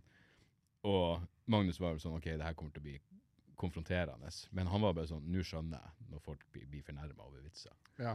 Eh, Ja, for det, det er noe annet. Det er noe helt annet. Ja, enn å bli fornærma over at eh, du snakker om eh, altså sånn noe mer generelt. Ja, ja. Altså, sånn, Det blir veldig spesifikt. Ja. Så, så det er jo Sånn vil det jo alltid være. Mm. Men jeg har jo liksom hatt den eh, Alle har jo et eller annet. Så jeg, jeg har jo sittet og hørt komikere prate om ting som jeg av en eller annen grunn har noe personlig forhold til, og så blir jeg sånn Du blir litt strammere i kroppen. Du flirer kanskje ikke. Bare fordi det er sårt for deg personlig. Selv om de snakker på generelt grunnlag om en eller annen sykdom. Eller noe. Men det er jo langt fra å gå fra det til at jeg skal gå opp og si du kan ikke prate om det her fordi eh, farsan er sjuk. Ja. Det er liksom, det, det er to vidt forskjellige ting. Mm, ja, ja. Men, eh, men det er klart, det er jo gøy å pirke. Ja, De sår, sårbare tingene. Sånn er det jo bare. Det er sånn der, eh, jeg Det er sikkert mange komikere som har sånn du, du, kan ikke snakke om det. Så, sånn, helt absurd. Og når komikere sier det, så er jeg sånn, du må slutte. ja, Hva- ja. Hvordan kan du si det på forhånd? Det, det, det du sier er at du klarer ikke å skrive. Det er ting jeg ikke kan skrive vitser om. Jeg klarer ikke å skrive de gøye forskjellen på menn og kvinner-vitsene, men det betyr jo ikke at ingen burde gjøre det. Nei, nei. Uh, det er jo det de egentlig bare sier. Jeg får ikke til for jeg kan love deg at alle de som sier du kan ikke snakke om det, hvis de klarte å skrive en bra vits om det, så ville de snakka om det. ja, selvfølgelig. Så, uh, så det er bare bullshit. Derfor man faen ikke burde høre på råd fra noen. Jeg tror Nei. det er sant det der, at de fleste prøver å gjøre det til Men igjen, det er standup som sier han gir ikke råd fordi du prøver bare å få noen til å bli som deg. Ja, det Liksom- blir jo bare hva du eh, hvis, hva, hva jeg personlig hadde syntes vært morsomt hvis noen spør. Ja, ja. Ja, så det blir jo bare Jeg fikk jo horrible råd. Jeg fikk jo råd Ton deg ned, for det norske standup-publikum er ganske konservativt. ja, ja, det ja. er sånn, nei, Bare fordi du satser på ei aldersgruppe som når som helst kan dø av naturlige årsaker, så betyr det ikke at det ikke finnes folk der ute som, som har annen smak. Men du, du må ha møtt mye motstand på det. Som kanskje var den første komikeren, standup-komikeren i Norge som liksom OK, det er ikke eh, vitser om meg og kona meg, Kona mi er ja, Det er så slitsomt når kona mi maser. Ja, ja. ja du går ut med søpla. Hvor lang tid tar det å sminke seg? Kom ja, igjen. ja. Bare, Hva gjør du på do? Liksom sånn. Ja. Ja, det var jo motstand. Jeg husker faktisk jeg tok eh, Det er rart hvordan man husker sånne konkrete ting. Faktisk Baste, han jeg var i Afghanistan med, han var jo en, eh, og er nok fortsatt en skrue. Han har slutta med standup. Men jeg husker han sa til meg sånn Hvis du bare er litt hyggeligere i starten, så kan du gå inn på de tingene dine etterpå. Og jeg, jeg, så jeg var sånn Ja, det skal jeg prøve. Så det ble jo sånn Jekyll and Hyde. Jeg var sånn Hei, hva er greia med blad? Og så plutselig så folkemordet i Rwanda. Det ble en sånn overgang hvor folk var sånn Hva faen var det som skjedde nå? Jeg tok det så jævlig bokstavelig, og det funka ikke i det hele tatt. Og på et eller annet tidspunkt ganske fort innså jeg at jeg tror ikke de her folkene har generell peiling. Jeg tror ikke de kan fortelle meg hva jeg skal gjøre, fordi de har kontroll på sine egne ting. Må Ja. finne, alle må finne ut av de tingene sjøl. Ja, selvfølgelig. Det må ha vært et eller annet sånn med publikum da at du vet jo ikke om det er noen som liker det, for det er ingen som gjør, jo, gjorde det sånn som du gjør, da. Ja, nei, jeg tenker jo bare sånn. Jeg tenkte bare, ja, hvis jeg bare klarer å finne den nisjen med folk som liker det her, og så kan jeg samle dem. Men det er jo også fordelen med å Jeg tror hvis jeg hadde liksom eh, sett opp til andre komikere, hvis fuckings Michael McIntyre var mitt jævla idol Så eh, jeg, jeg tror det er lettere når du, når du liksom de, de du ser opp til, er nisjekomikere. Sånn som standup. Ja. Eller Bill Hicks, som sleit hele karrieren sin. Mm. Og bare se at jo, det går faktisk an å finne sitt, sitt, sitt lille publikum. Utfordringa er jo at det er så jævla få folk i det her landet. Ja. Liksom Det er en ting å ha 320 millioner mennesker å fokusere på, kontra fem. eller Når nisjen er f- f- Ja. 25 millioner, ja. ja. Ja. det er jo sånn. Jeg husker når standup gjorde sånn Han kalte det Shit Town Tour. Eh, og han måtte bare si sånn Du, alle de her byene er større enn de fleste byene jeg gjør. Jeg husker jeg tok bilde fra Vadsø og sendte til han. Det her er en Shit Town Tour. Ja, ja, ja. Stå i et skur i Vadsø. Det er, det er noe annet enn eh, en by som bare har eh, 80 000 innbyggere. liksom. Ja, ja, ja. Så uh, det er det eneste jeg Da kan jeg merke liksom sånn uh, Da merker jeg at jeg får sånn misunnelsesfølelse. Bare til og med med Sverige, bare, som har dobbelt så mye folk. Ja. Uh, Norge er fuckings lite, altså. Det Mm. det. Men det, går jo i hvert fall Om folk oppdager deg mer og mer, eller hva det er for noe, så selger du bare mer og mer billetter. da, Ja da, det er jo hyggelig det. Og så er jeg vel blitt litt mer Jeg er ikke så jævla sint som jeg var en gang i tida. Nei. Det er egentlig ikke så Sinne er Ja, det er på sin plass enkelte ganger, men å generelt bare være sånn sint hele tida, det er young man's game. Det ville vært rart hvis jeg fortsatt skulle holdt på sånn. Og så blir man kanskje flinkere og kan prate om fucked up ting, men det er jo sånn så Ja, da vi var i, um, i Kristiansand, jeg har en vits om Kongo, og da ble jeg jævlig glad når du sa at det var ei dame som var så jævla armene i kors, Ja. og så flirte hun på slutten. Ja, ja, ja. Fordi hvis du bare hører etter, så tror jeg det kommer et poeng etter hvert som du kanskje kan være med på. Til Ja, for at tematikken ja. er grusom. For det, det, det, var- det var jævlig gøy. Fordi du ser liksom at i første tre minuttene av vitsen så blir det sånn Det her Ja. skal jeg ikke le av. Ja, så blir det så gøy at selv hun var sånn Nesten nikker anerkjennende til Ja, ja, sin. Som ja. han, for han syntes det selvfølgelig var gøy fra første sekund. Ja, ja. Premisset er ja, ja. Bare folkemord slo han. Ja, ja. Det var sikkert det som hadde vært med fra Manshow-tida. ja, han hang igjen, ja. En av krigerne som har holdt ut lenge. Ja, ja nei, jeg vet da faen. Jeg føler vel omsider at det begynner å Ja, at- folk kommer Mm. At de som kommer nå, var på det forrige showet. Den der følelsen. Men har du sånn derre Har du sånn derre tanke om at øh, øh, Hvordan skal jeg si det At øh, du, altså du gjør At du ikke skal være sånn sell-out, hvis du skjønner hva jeg skjønner, skjønner hvor jeg vil hen. At jeg, kan aldri, jeg kan aldri se for meg at uansett hvor mye penger du hadde fått tilbud om, så hadde du ikke blitt med på Firestjerners middag. da. Nei. At det er, er det liksom et bevisst valg, eller er det bare sånn at det er det inni deg bare det her ikke, nei, det er bare sånn, jeg har ikke lyst til å gjøre det. Men alle ting jeg har gjort, og da mener jeg absolutt alt, tror jeg, har handla om å Som jeg har gjort utenom standup, har handla om å få mer standup-publikum. Jeg mener, Det er jævlig få unntak. Hvis jeg gjorde noe, da måtte det være bare fordi jeg tenkte det her ville være gøy å være med på. Jeg bestandig har tanken at standup er målet mitt, og de andre tingene jeg gjør, er for å Generere publikum. generere publikum. ja. Så jeg har sagt nei til Fire stjerners middag jævlig mange ganger. Nå sender jeg dem bare et sånn YouTube-klipp jeg har hvor jeg prater om hvorfor jeg ikke vil være med på Fire stjerners middag på, på Manshow, faktisk. Oh, ja, er det det? Ja, jeg bare legger inn det. Men jeg har ikke lyst til å gjøre det. Og så er det sånn, og så er det jo ting som Ja, det, jeg vet ikke, jeg, jeg prøver Ja, jeg tenker sånn Kommer jeg, eh, sjan- kommer jeg godt ut av det her? Ja. Eh, liksom hvis Jeg mener, ta sånn eh, Jeg kunne sikkert jeg, jeg tror faktisk jeg kunne sagt ja til eh, 71 grader nord hvis jeg ikke hadde sånn helvetes høydeskrekk. Og jeg tenker, jeg vil ikke klare å gjøre de der tingene. Og så husker jeg bare jeg så på Det var vel Siri Kristiansen. Det var noen sånn episode, Jonas Bergland var med der, hvor de skulle sove i et sånt jævla nett oppi et Ja, fjell. langs Mange, fjellveggen. ja, bare midt ute i, i lufta, liksom. Mm. Og jeg tenkte, jeg ville aldri klart det der. Og så så jeg hvordan hun bare brøt sammen, og sa jeg klarer ikke. Og da tenkte jeg, ja, det der, jeg, jeg har all verdens sympati med det. Men når jeg sitter og ser det på TV, så ser du bare irriterende ut. Mm. Så liksom vær bevisst på om du, ja, det trenger du å gjøre det her.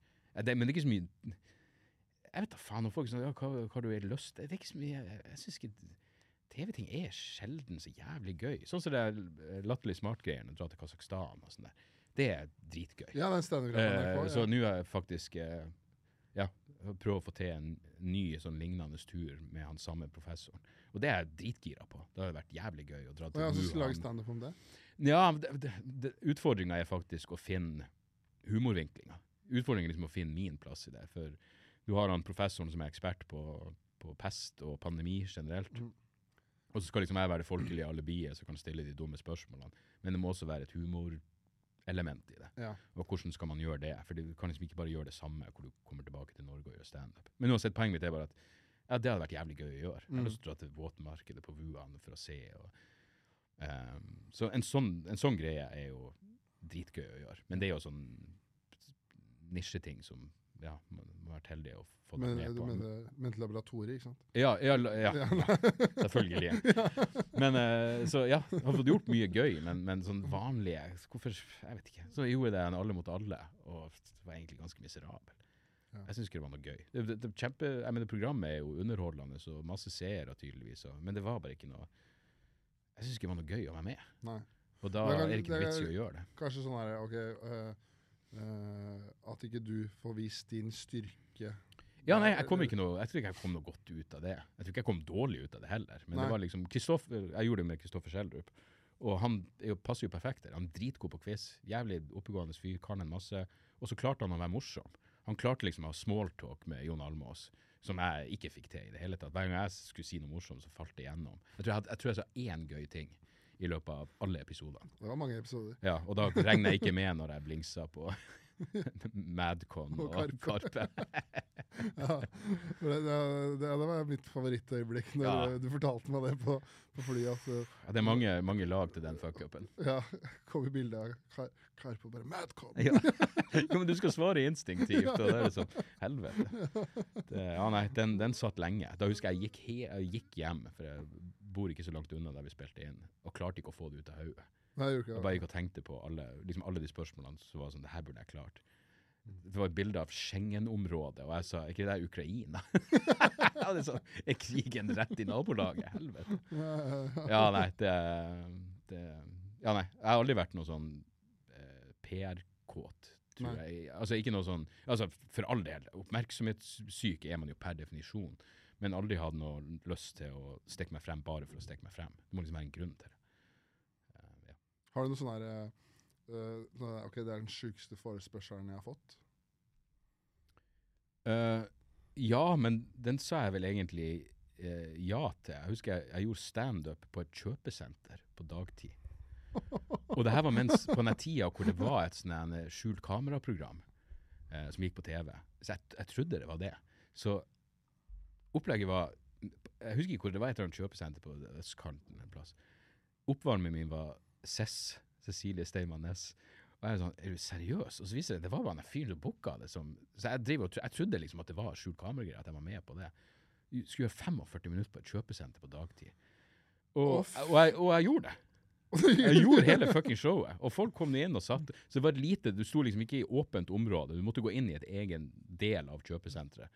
Eh, f- og for, noen kom inn, og så satt de der en stund, og så gikk de. Masse gamle folk. Hvem er på et kjøpesenter på Ja, dagtid, ja. liksom?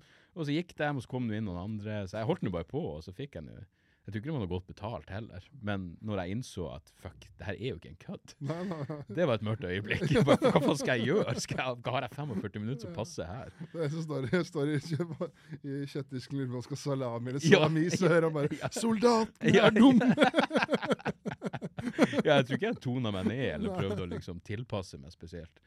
Men, uh, men ja, det har sikkert vært noe, noe rare ting jeg har blitt spurt om. Men, Uh, men eh, Så jeg tenkte også sånne reality-greier. da Sånn Nei, et eller annet, det var noe sånn senkveldgreier. Noe sånn Camp Senkveld. Camp Senkveld. Ja. Ja. Og da tenkte jeg bare sånn Jeg tror jeg er invitert for å latterliggjøre seg. Eller for å være the odd man out. Ja. Eller et eller annet sånn. Og da husker jeg tenkte sånn, ja det er kult, hyggelig at de spør. Og det, jeg, jeg mener ikke at, jeg, at de hadde mørke baktanker med det. Men da måtte jeg bare si, jeg, jeg, jeg tror ikke, jeg, har- jeg ikke lyst.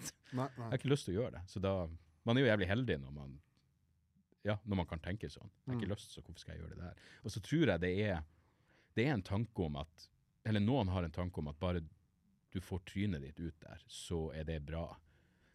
Jeg, jeg tror det er litt sånn, jeg har et ambivalent forhold til det. Liksom, vil du ha, vil du nødvendigvis ha de som ser på Fire stjerners middag i salen når du skal ha standup?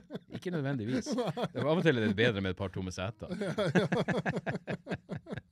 Ja, for det, det så blir det også veldig eh, Noe jeg tenker er så, er så jævlig bra med deg, da, er at uh, det er ikke sånn at uh, hvis man har sett deg tidligere, og så kommer man på standup-show med deg, så er ikke det sånn hva, nå ble vi lurt. Det her er Nei. noe helt annet. Det, det er et godt poeng, og det har faktisk vært Det var det som var så bra med det. eh, Jeg, jeg driver jo Showman heter det. Manshow var det første programmet som Lilleheie gjorde. Showman heter det som jeg var med på. Ja, Det var liksom rebranding av mannskit. ja. Uh, men, uh, men der var jo fordelen min at det gjorde at jeg fikk et publikum. Men det jeg gjorde i det programmet, var jo vitser som jeg hadde gjort på scenen uh, i mange tilfeller. Så det var jo nøyakt, du visste jo nøyaktig hva du fikk for noe. Så jeg slapp det der at Hei, han der var jo så hyggelig og sjarmerende på TV. ja, ja. Og står han her og, og sammenligner Irak med å bli voldtatt i ræva. Så, så jeg slapp det der opplegget. At, at folk ble, ble skuffa. Uh, Du var ikke han hyggelige onkelen i Side om side? nei, nei. Ja, nei, sånn skuespillgreier uh, har jeg aldri hatt noen sånn lyst eller ambisjoner Nei. til, egentlig. Så, og det, jeg tror det, men igjen, det blir jo en sånn Jeg husker at de eh, Det var en sånn ting som de sa om Bill Hicks, at han var en bra komiker fordi han gjorde det ikke fordi han hadde lyst til å få en sitcom. Han gjorde det fordi han elska standup. Ja, Jeg jeg tror tror det er gamle du- skolen at man liksom Ja, man fikk eh, et sett på Carson, og så Mm. man sitcom, og så slutta man med standup. Ja, Ja. ja at, at, at, at det var liksom eh, på å si means to an end. At det var liksom bare sånn, eh, et trappesteg. Det har aldri vært for meg. Jeg har bestandig vært sånn, jeg vet nøyaktig det er det her jeg har lyst til å gjøre. Eh, hvis jeg er så heldig at jeg kan fortsette med det her, og liksom Ja, det blir jo faktisk en person som Carl en sånn inspirerende. Ja. At han, han holdt nå på til han daua. Ja, ja, ja. Og daua vel på jobb, tror jeg. På et ja på hotellrom, hotellrommet. Ja. eller sånt, Akkurat den delen kan jeg skippe. Jeg har liksom ikke lyst til å dø, dø på, på, på Ton på Leknes, men eh, Men eh, ja, det er ja, trist. ja, det er jævlig trist. Fordi det er liksom Å, han døde på et hotellrom i Vegas. Det er fortsatt litt kult. Ja, ja. Men Båtsfjord er ikke så fett å sovne igjen på. Men, eh, men ja, det er i hvert fall tanken min. Jo håpet mitt. For jeg, for jeg tror jo det er en sånn Så lenge man Så lenge hodet fungerer, og man er heldig nok da, liksom at, ja, du klarer å trø opp på scenen, så er det jo ikke noe grunn til å, å, Nei, samme- stresse med pensjonsalder. Så fremst man klarer å holde seg relevant. Da. Og det må jeg jo si. Det er det som er bra med å, å henge med deg og, og omgås litt yngre folk, er at jeg tror det er viktig å følge litt med på hva Ja, hva de syns er morsomt. føler jeg du gjør det automatisk med at du står så mye på klubb da, Ja. i Oslo. At du ser hva som rører seg, og Ja, ja, ja. hva som uh, Du gjør ikke bare de store scenene eller soloshowet ditt. Jeg skjønner ikke at ikke flere Det er det jeg tenker hver gang. Hvorfor er det ikke mer etablerte komikere som bruker de her scenene? Ja. For det er jo gull for å jobbe frem materiale. Mm. Masse bra plasser rundt omkring. Men det er samme som uh, Don Rickles. da. Han, han, han reiste landet rundt da han var 87. Han, Ja. det liksom sånn, Ja. han eh, hadde jo til og med sånn Han ble rulla ut på scenen, og så måtte han ha hjelp til å reise opp. Ja, akkurat. ja, Sto med stokk liksom og gjorde den da, spurte ja, 'Where are you from?' og sa han en rasistisk vits. Ja, ja, ja. Faen, eh, eh, Stian, han manageren min, fortalte meg han hadde sett Bill Cosby i New York i 2014, tror jeg. Og da ble han også rulla ut på scenen med en sånn oksygenmaske som de tok av han. Og han sa de holdt på i flere minutter og styra. Altså han kom ut på scenen, og så drev de og styra og tok av han medisinsk utstyr og bla, bla, i flere minutter. Det var liksom ikke Og så begynte han, og så satt han jo der og Ta på og voldta. Ja. ja. Men det var liksom i 2014, og han lever fortsatt. Ja. Han er ute av, ute av fiksjon? Ja, ja, ja. Det var noe teknisk lovlig, ja, som du sikkert ville Ja. forstått bedre enn meg, som gjorde at jo, det var faktisk rett at han skulle Det var feil i rettsprosessen, tror jeg, som Ja. gjorde at ja. Mm. Jeg så en fyr på, på bussen i dag, og jeg tenkte han ligna så jævlig på Harvey Weinstein. Oh, ja. Jeg tenkte liksom, tanken på å suge han der Uff, Det er mørkt. Jeg mener, hvilken rolle er jeg? Ja, du skal være bra ambisiøs. Har du hørt når det, de liksom har beskrevet penisen hans? Ja, for han har jo noe sånn deformert, råtnende Ja, kuk. sånn uh, kjøttbakteriesykdom. Ja. Sånn som at uh, ja, Åh, det er darkness. Ja. Altså skal, du, altså skal du ned der for å bli Catwoman. Åh. ja, da er du dedikert, altså. ja. Da fortjener du faen meg å være Marvel. uh, Absolutt. Ja. Altså, det er jo helt på sin plass at du får den rollen, da. Ja. Eh, ja, det er sånn der jeg kan, jeg, jeg kan fortsatt få sånne rare tanker hvis jeg, hvis jeg sitter og ser på noe porno, og så er det en trekant hvor det ene blir Jeg husker det var en sånn scene med Rocco, gode gamle legenden. Sefrati. Eh, Sefradi. eh, Ja. Sefrati. Ja. Sifredi. Ja. Ja, ikke han norske. Hvor det var en sånn klassisk scene som jeg hadde på VHS.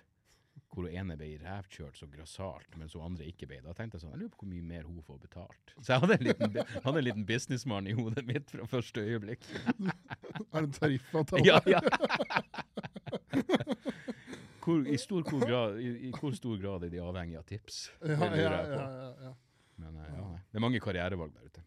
Ja, satan. Det er, det, er, uh, det er også en mulighet til å gjøre Ja. det. Der får du ikke holde på til pensjonsalder. Faen, der, det slo meg når vi prater liksom om når du For jeg hadde jo jeg hadde jo hørt den Rocco-vitsen min. Med, liksom, også uh, fordi Rocco uh, stakk kuken i kjeften på ei venninne av mora i, etter begravelsen til mora. Så hørte jeg faen meg den en Your Mom's House, den podkasten. Da begynte Tom Segura å prate om den dokumentaren. Ja. Og da tenkte jeg sånn, fuck. For sånn funker hodet mitt. Da tenker jeg, ah, hvis jeg gjør den vitsen nå, så kommer folk til å tro at jeg har hørt om den dokumentaren på den. eh, Han hadde jo ikke samme poenget, men det var liksom Han prata om den dokumentaren, og da tenker jeg at vi folk å tro det. Som om alle får med seg alt. ja. Men jeg husker at jeg så den Rocco-dokumentaren med det samme den kom ut, og det er faen meg noe av det mørkeste og tristeste jeg har sett. Altså. Hmm.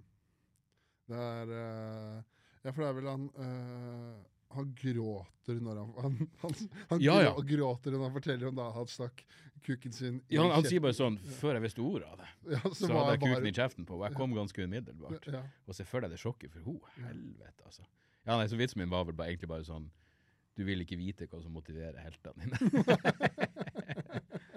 Det er ja, beinhardt. det, det er, ja, det er beinhardt, ja. Ja. ja satan.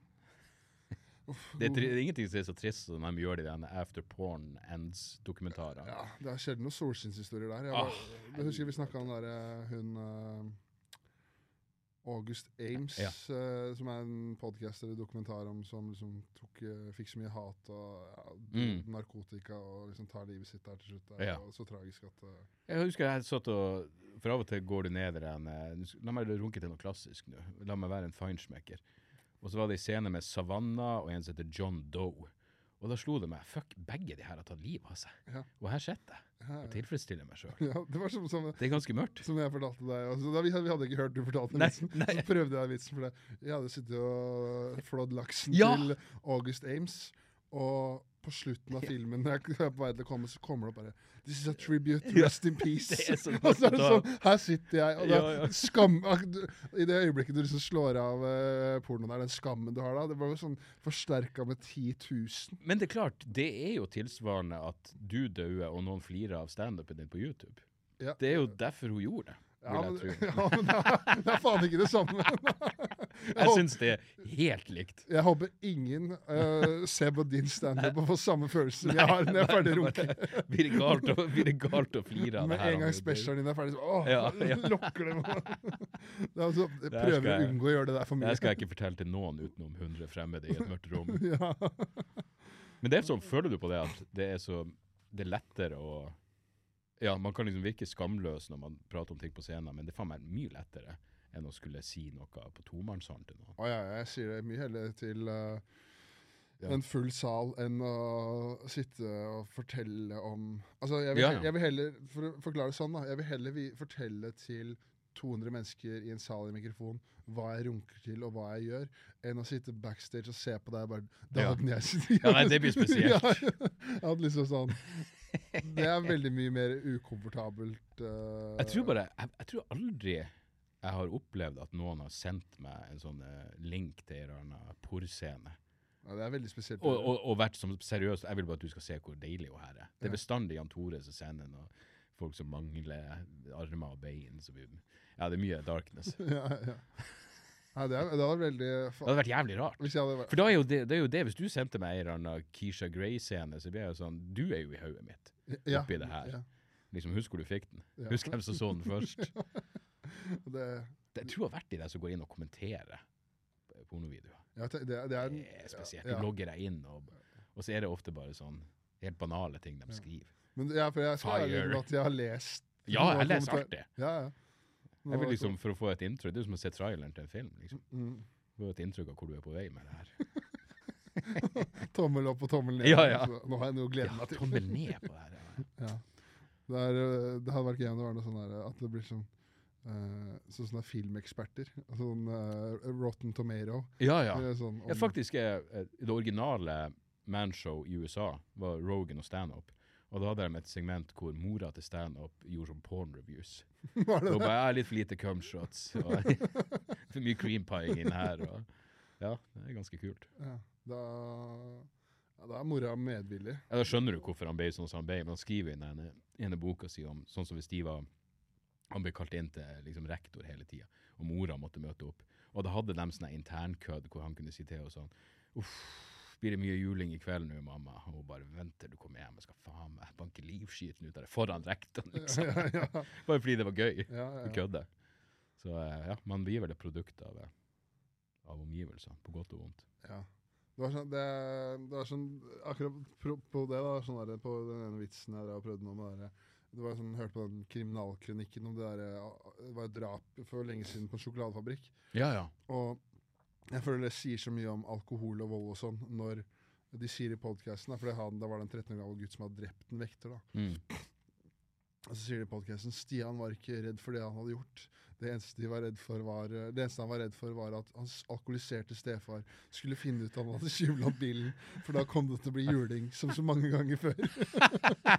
sånn, la oss være mest mulig poetisk Ja. oppi mørket. Jeg føler det er sånn her, eh, Vil du bli millionær? Han hadde en alkoholisert stefar. Hva ble han? Ja. A. Morder. B. Morder. Ja, ja. Ja, løpet er på mange måter lagt for deg. ja. Da, da er det en, da, da prikkene er tegna opp, og så må du bare følge etter. Ja. Da blir du, enten, du blir enten sånn der eh, psyko, suksessfull uh, las tunnelsyn, Ja. eller totalt fucka, virker det som. Vi hadde en sånn uh, i, eh, i, på barneskolen som eh, alt lå an til at han skulle bli total Han var så jævla pøbel.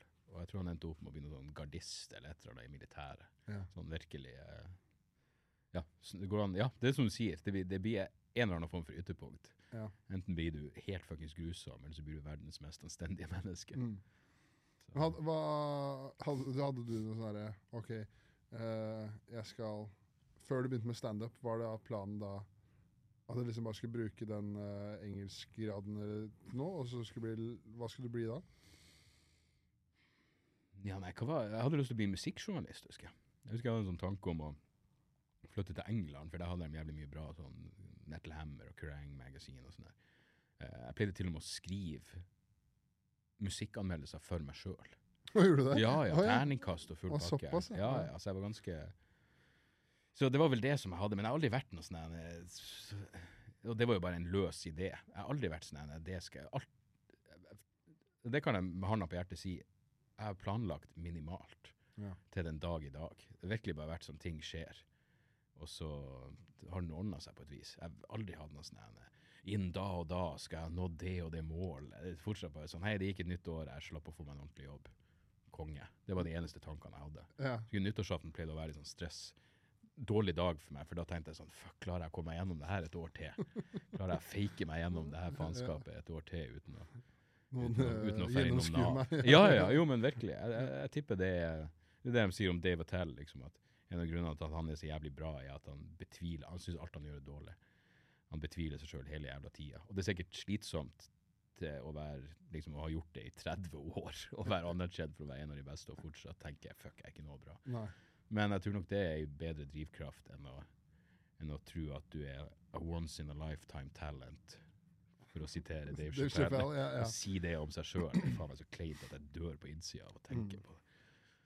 Enda verre hvis eh, Nå skal det sies at han er jo i hvert fall en god standup-komiker. Det er de som Ja, ja, har, herregud. har veldig Den det egoet og null talent i Null talent, tillegg. ja, Det blir, det blir slitsomt å være med en sånn person i lengden. Jeg husker det var Det her må forbli anonymt, men um, uh, Noen visste meg de hadde fått en mail fra en fyr som drev med standup. Og uh, da skrev han til noen som var etablert, eh, og så skrev han sånn Jeg tror nesten det her er ordrett. Han skrev Jeg har lyst til å bli standup-komiker, men hvordan kommer jeg rett opp på Gjertsen-nivå uten å gjøre en masse drittjobber, sånn som Dag Sørås og Yngve Skomsvold, var de som var nevnt. Han har liksom sett på oss og tenkt sånn "Eh, Det virker jo ikke noe gøy, det der. Nei. Å dra og stå foran fulle studenter på Ås er jo ikke noe stas. Der er det bedre å bare være rett opp på eh, aksjemegler og komiker som Thomas Giertsen. Ja. Og det er bare sånn, det er noen, for det er klart, det her er et yrke som tiltrekker seg noen av de mest virkelighetsfjerne jævlene som eksisterer. Nesten per definisjon. Men vet du hvem han personen som sendte mailen er? Ja, ja, ja. Og han, han, han driver med standup nå? Nei, nå har han slutta, men jeg kan fortelle etterpå. Okay, Men det blir litt gleder feil å til gå- ja. Ok, ja. Ja, nei, han var jo genuint sinnssyk. Men det er, det er, jeg føler det er bare sånne der, eh, yrker, sånn der, musikk eller standup, så man gjør det. Det er ikke sånn at man, sender mail til et aksjeselskap, og så bare Hvordan, hvordan blir jeg, hvordan blir jeg sjefsaksjemann? Ja, ja. Sånn Jeg får fortsatt de der mailene, og faktisk, det, jeg må ærlig innrømme at ja, det jeg skriver vanligvis, er ikke ta de kursene de trør nedover nakken din. Skriv fem minutter du syns er bra, og kom deg på scenen og prøv, og så finner du jævlig fort ut om det her er for deg eller ikke. Det er ikke noe jævla hokus pokus. Um, så jeg, jeg ser bestandig på det. Hvis noen Jeg vet da faen. Det, det finnes garantert unntak, men jeg, jeg, tror ikke det er så jævlig mange bra komikere som starter karrieren med å sende mail til en annen komiker og spørre hvordan blir man komiker. Hvordan slipper jeg å være Dag Sørås? Ja, ja, ja, ja, det er jo fair enough. Den mailen går nok eh. på rundgang. Det er sånn skriv man får det når man tar det kurset. eh, ja, ja, ja. Ja, nei, faen. Nei, men det, det, det, det er en pri privilegert jobb. Jeg tror ikke jeg, jeg, jeg vet at jeg kunne Jeg sliter med å tenke at jeg kunne funnet noe som passa meg bedre. Ja. Fordi det bare er så jævla Du, du kan holde på med hva enn du er interessert i, kan du gjøre opp, om til en vits. Sånn sett så kan du bare gå rundt og være i ditt eget hode og gjøre hva du vil, og så blir det en vits ut av det. Kan til og med gå på blodfylla og forsvare det med at du trenger, du trenger noe nytt materiale. Ja, ja, ja. Men jeg føler at eh, du eh, er, føler at, andre folk, hvis de er i et rom hvor noen kollapser, ja. Da tenker jeg fuck, det er en fyr som kollapser. Det er trist. Mens du tenker jeg har en avslutning på Ja, ja, det her blir fem minutter til. Nå må jeg kutte den der vitsen, for det her skal inn. Men jeg bare føler Det er en sånn effekt eh, Jeg føler at noen folk misforstår det du driver med. Mm. At for det, det Sånn som når jeg tok kurset, og så har jeg sett noen andre også, så er det, var det en, da, en fyr fra Nord-Norge som har flytta til Oslo for å studere. da. Og så sitter han liksom på kurset og bare Ja, Dag Sørås, han er helten min. Liksom, sånn, og sånn. Mm. Så skal du gå på scenen, da, og så er det eh, Tror de at det du gjør, er å bare si drøye ting for å si drøye ting? Ja, ja. Og så blir det sånn her, så går det til helvete. Mm. Og så er det sånn, ja, men det er jo Dag Sørås. Ja. ja, det minner meg litt om eh, det, det er en komiker som heter Jason Rouse. Veldig hyggelig fyr. Men han er sånn Jeg har aldri syntes han var så interessant, fordi han er sånn sjokkomiker utelukkende. For, det er liksom ingen poeng der. Så han er sånn, Jeg husker han har en vits som er sånn So I'm fisting this nun. Og så er det over. Og jeg tenker bare sånn, Det er jo et interessant premiss, Ja. hvis det har skjedd. Men å bare si det, er jo, det er jo ingenting. Nei, nei, nei. Eh, det blir jævlig fort kjedelig. Så, så jeg liker jo drøye ting, men det, må jo, det er jo litt mer finesse til det enn bare å si Jo. horribelt faenskap. Ja, det men jeg, jeg føler at uh, ofte uh, når det er sånn her, hvis de bare sånn ah, 'Nå skal jeg gjøre som uh, Dag', så har de liksom bare de, de glemmer på en måte at det er en setup-punch der ofte, og så er det ofte et mening eller smart greie. Det er ikke er, du har aldri skrevet en vits som sånn herre ja, faen, så gikk jeg bare og Jeg gikk bare og stakk en kniv i øyet på en fyr, jeg, skalla ned, så gikk jeg. Så, Ja, nei, nettopp. Ja, ja. Men jeg har jo hatt ting som bare er sånn eh, Jeg husker når det var den eh, Jeg husker når det var den eh, Det var en eller annen tsunami. Og så sa jeg så jeg, jeg får så problemer med å se på uh, bukakeporno etter en tsunamien. Fordi tanken på å se på ei asiatisk dame gispe etter pusten er bare upassende i det her øyeblikket. Og Det er sånn, det er ingen poeng der, det handler bare om å si noe grusomt, og så får man se om det funker. Men de fleste ganger så, så håper jeg jo at det er en, en baktanke. Ja, ja, ja, Av og til er det jo, men med det sagt, av og til er det jo gøy å bare si nei, jeg har en pedo på fly. Det er jo bare, det er jo ikke noe poeng der. Jo, men men det er, det er gøy, da. Ja, Det er det som er poenget. Liksom, hvis du får folk til å forestille seg den situasjonen, så, så kan du jo så, eh, Men ja, men jeg hadde håpa at det hadde forsvunnet litt, den tanken om at man bare sier jævlige ting. For da har du faen meg Ja, da vil jeg tørre å påstå at du har misforstått så mye som du kan misforstå. Men uh, hvis det er noe trøst, da, så gikk det totalt til helvete. Det gjorde det, ja. Og han gjorde to nybegynnerkvelder, aldri sett den igjen. Ja. ja, det er frafall. Ja. Faktisk Første gangen jeg sto, så var det en morsom, en annen nordlending som var jævlig morsom, men han ble behandla så forbanna dårlig av denne klubben at han forsvant bare. Og det er jævlig synd. Ja. Det, det er kjipt når noen du tenker ja, Ikke at jeg har så mange eksempler på det, men det er nok litt frafall. Bra frafall, og så er det noen som, som gir seg litt for tidlig. Mm. Det er eh, Det er ikke alle som er trist slutter. Herregud, jeg, jeg vil tro i 90% av tilfellene er det en lettelse. Ja. Men uh, Du må ha sett helt Du, du, må, du må ha sett alle skapninger som har vært Ja, eh, det er mye rart, altså. Ja. Helvete. Ja, det har jeg sett mye rart, men uh, det er jo stort sett uh, Det er jo stort sett Det hadde vært jævlig gøy om du ga ut sånn memoar Ja. Om de ulike karakterene og Ja, og da er det jo å huske. Men ja, det har vært noe. Men jeg husker enda det var eh, Jeg var support for en som heter Paul Håvard Østby, som er med i uh, Urbane Totninger og sånn. Og veldig sånn uh, diametralt motsatt av det jeg holdt på med. Men jeg var med han som support. Og uh, når jeg var ferdig, og det gikk ganske bra, så gikk jeg liksom av scenen, så gikk han på, og så sto jeg bare bak i rommet og så på mens han var på. Og det var ei dame i publikum som sier til meg sånn står du, å, står du her og ser på for å lære hvordan det skal gjøres? Jeg var sånn Jeg vet ikke gikk så bra, men sammen, han gjør jo noe som er helt motsatt. ja. Vi er jo ikke på samme humorplanet. Det er morsomt, men han gjør noe som er helt annerledes, liksom. Jeg prøver ikke å være han. Så, eh, men det er gøy når folk skal være sånn. Eh, jeg husker jeg, jeg, en gang så fikk jeg en som sa 'bra forsøk'. Å, det er, n- Ah. oh, det er Du sånn får lyst til å myrde noen når Ja, du ja. sånne ting. Altså. Ja, det, det, det er nesten hyggelig. Eh, Jeg, hadde, jeg gjorde open mic på, som var på Grün- Grünerløkka, som jeg nå er lagt ned. Og så var det ingen som lo.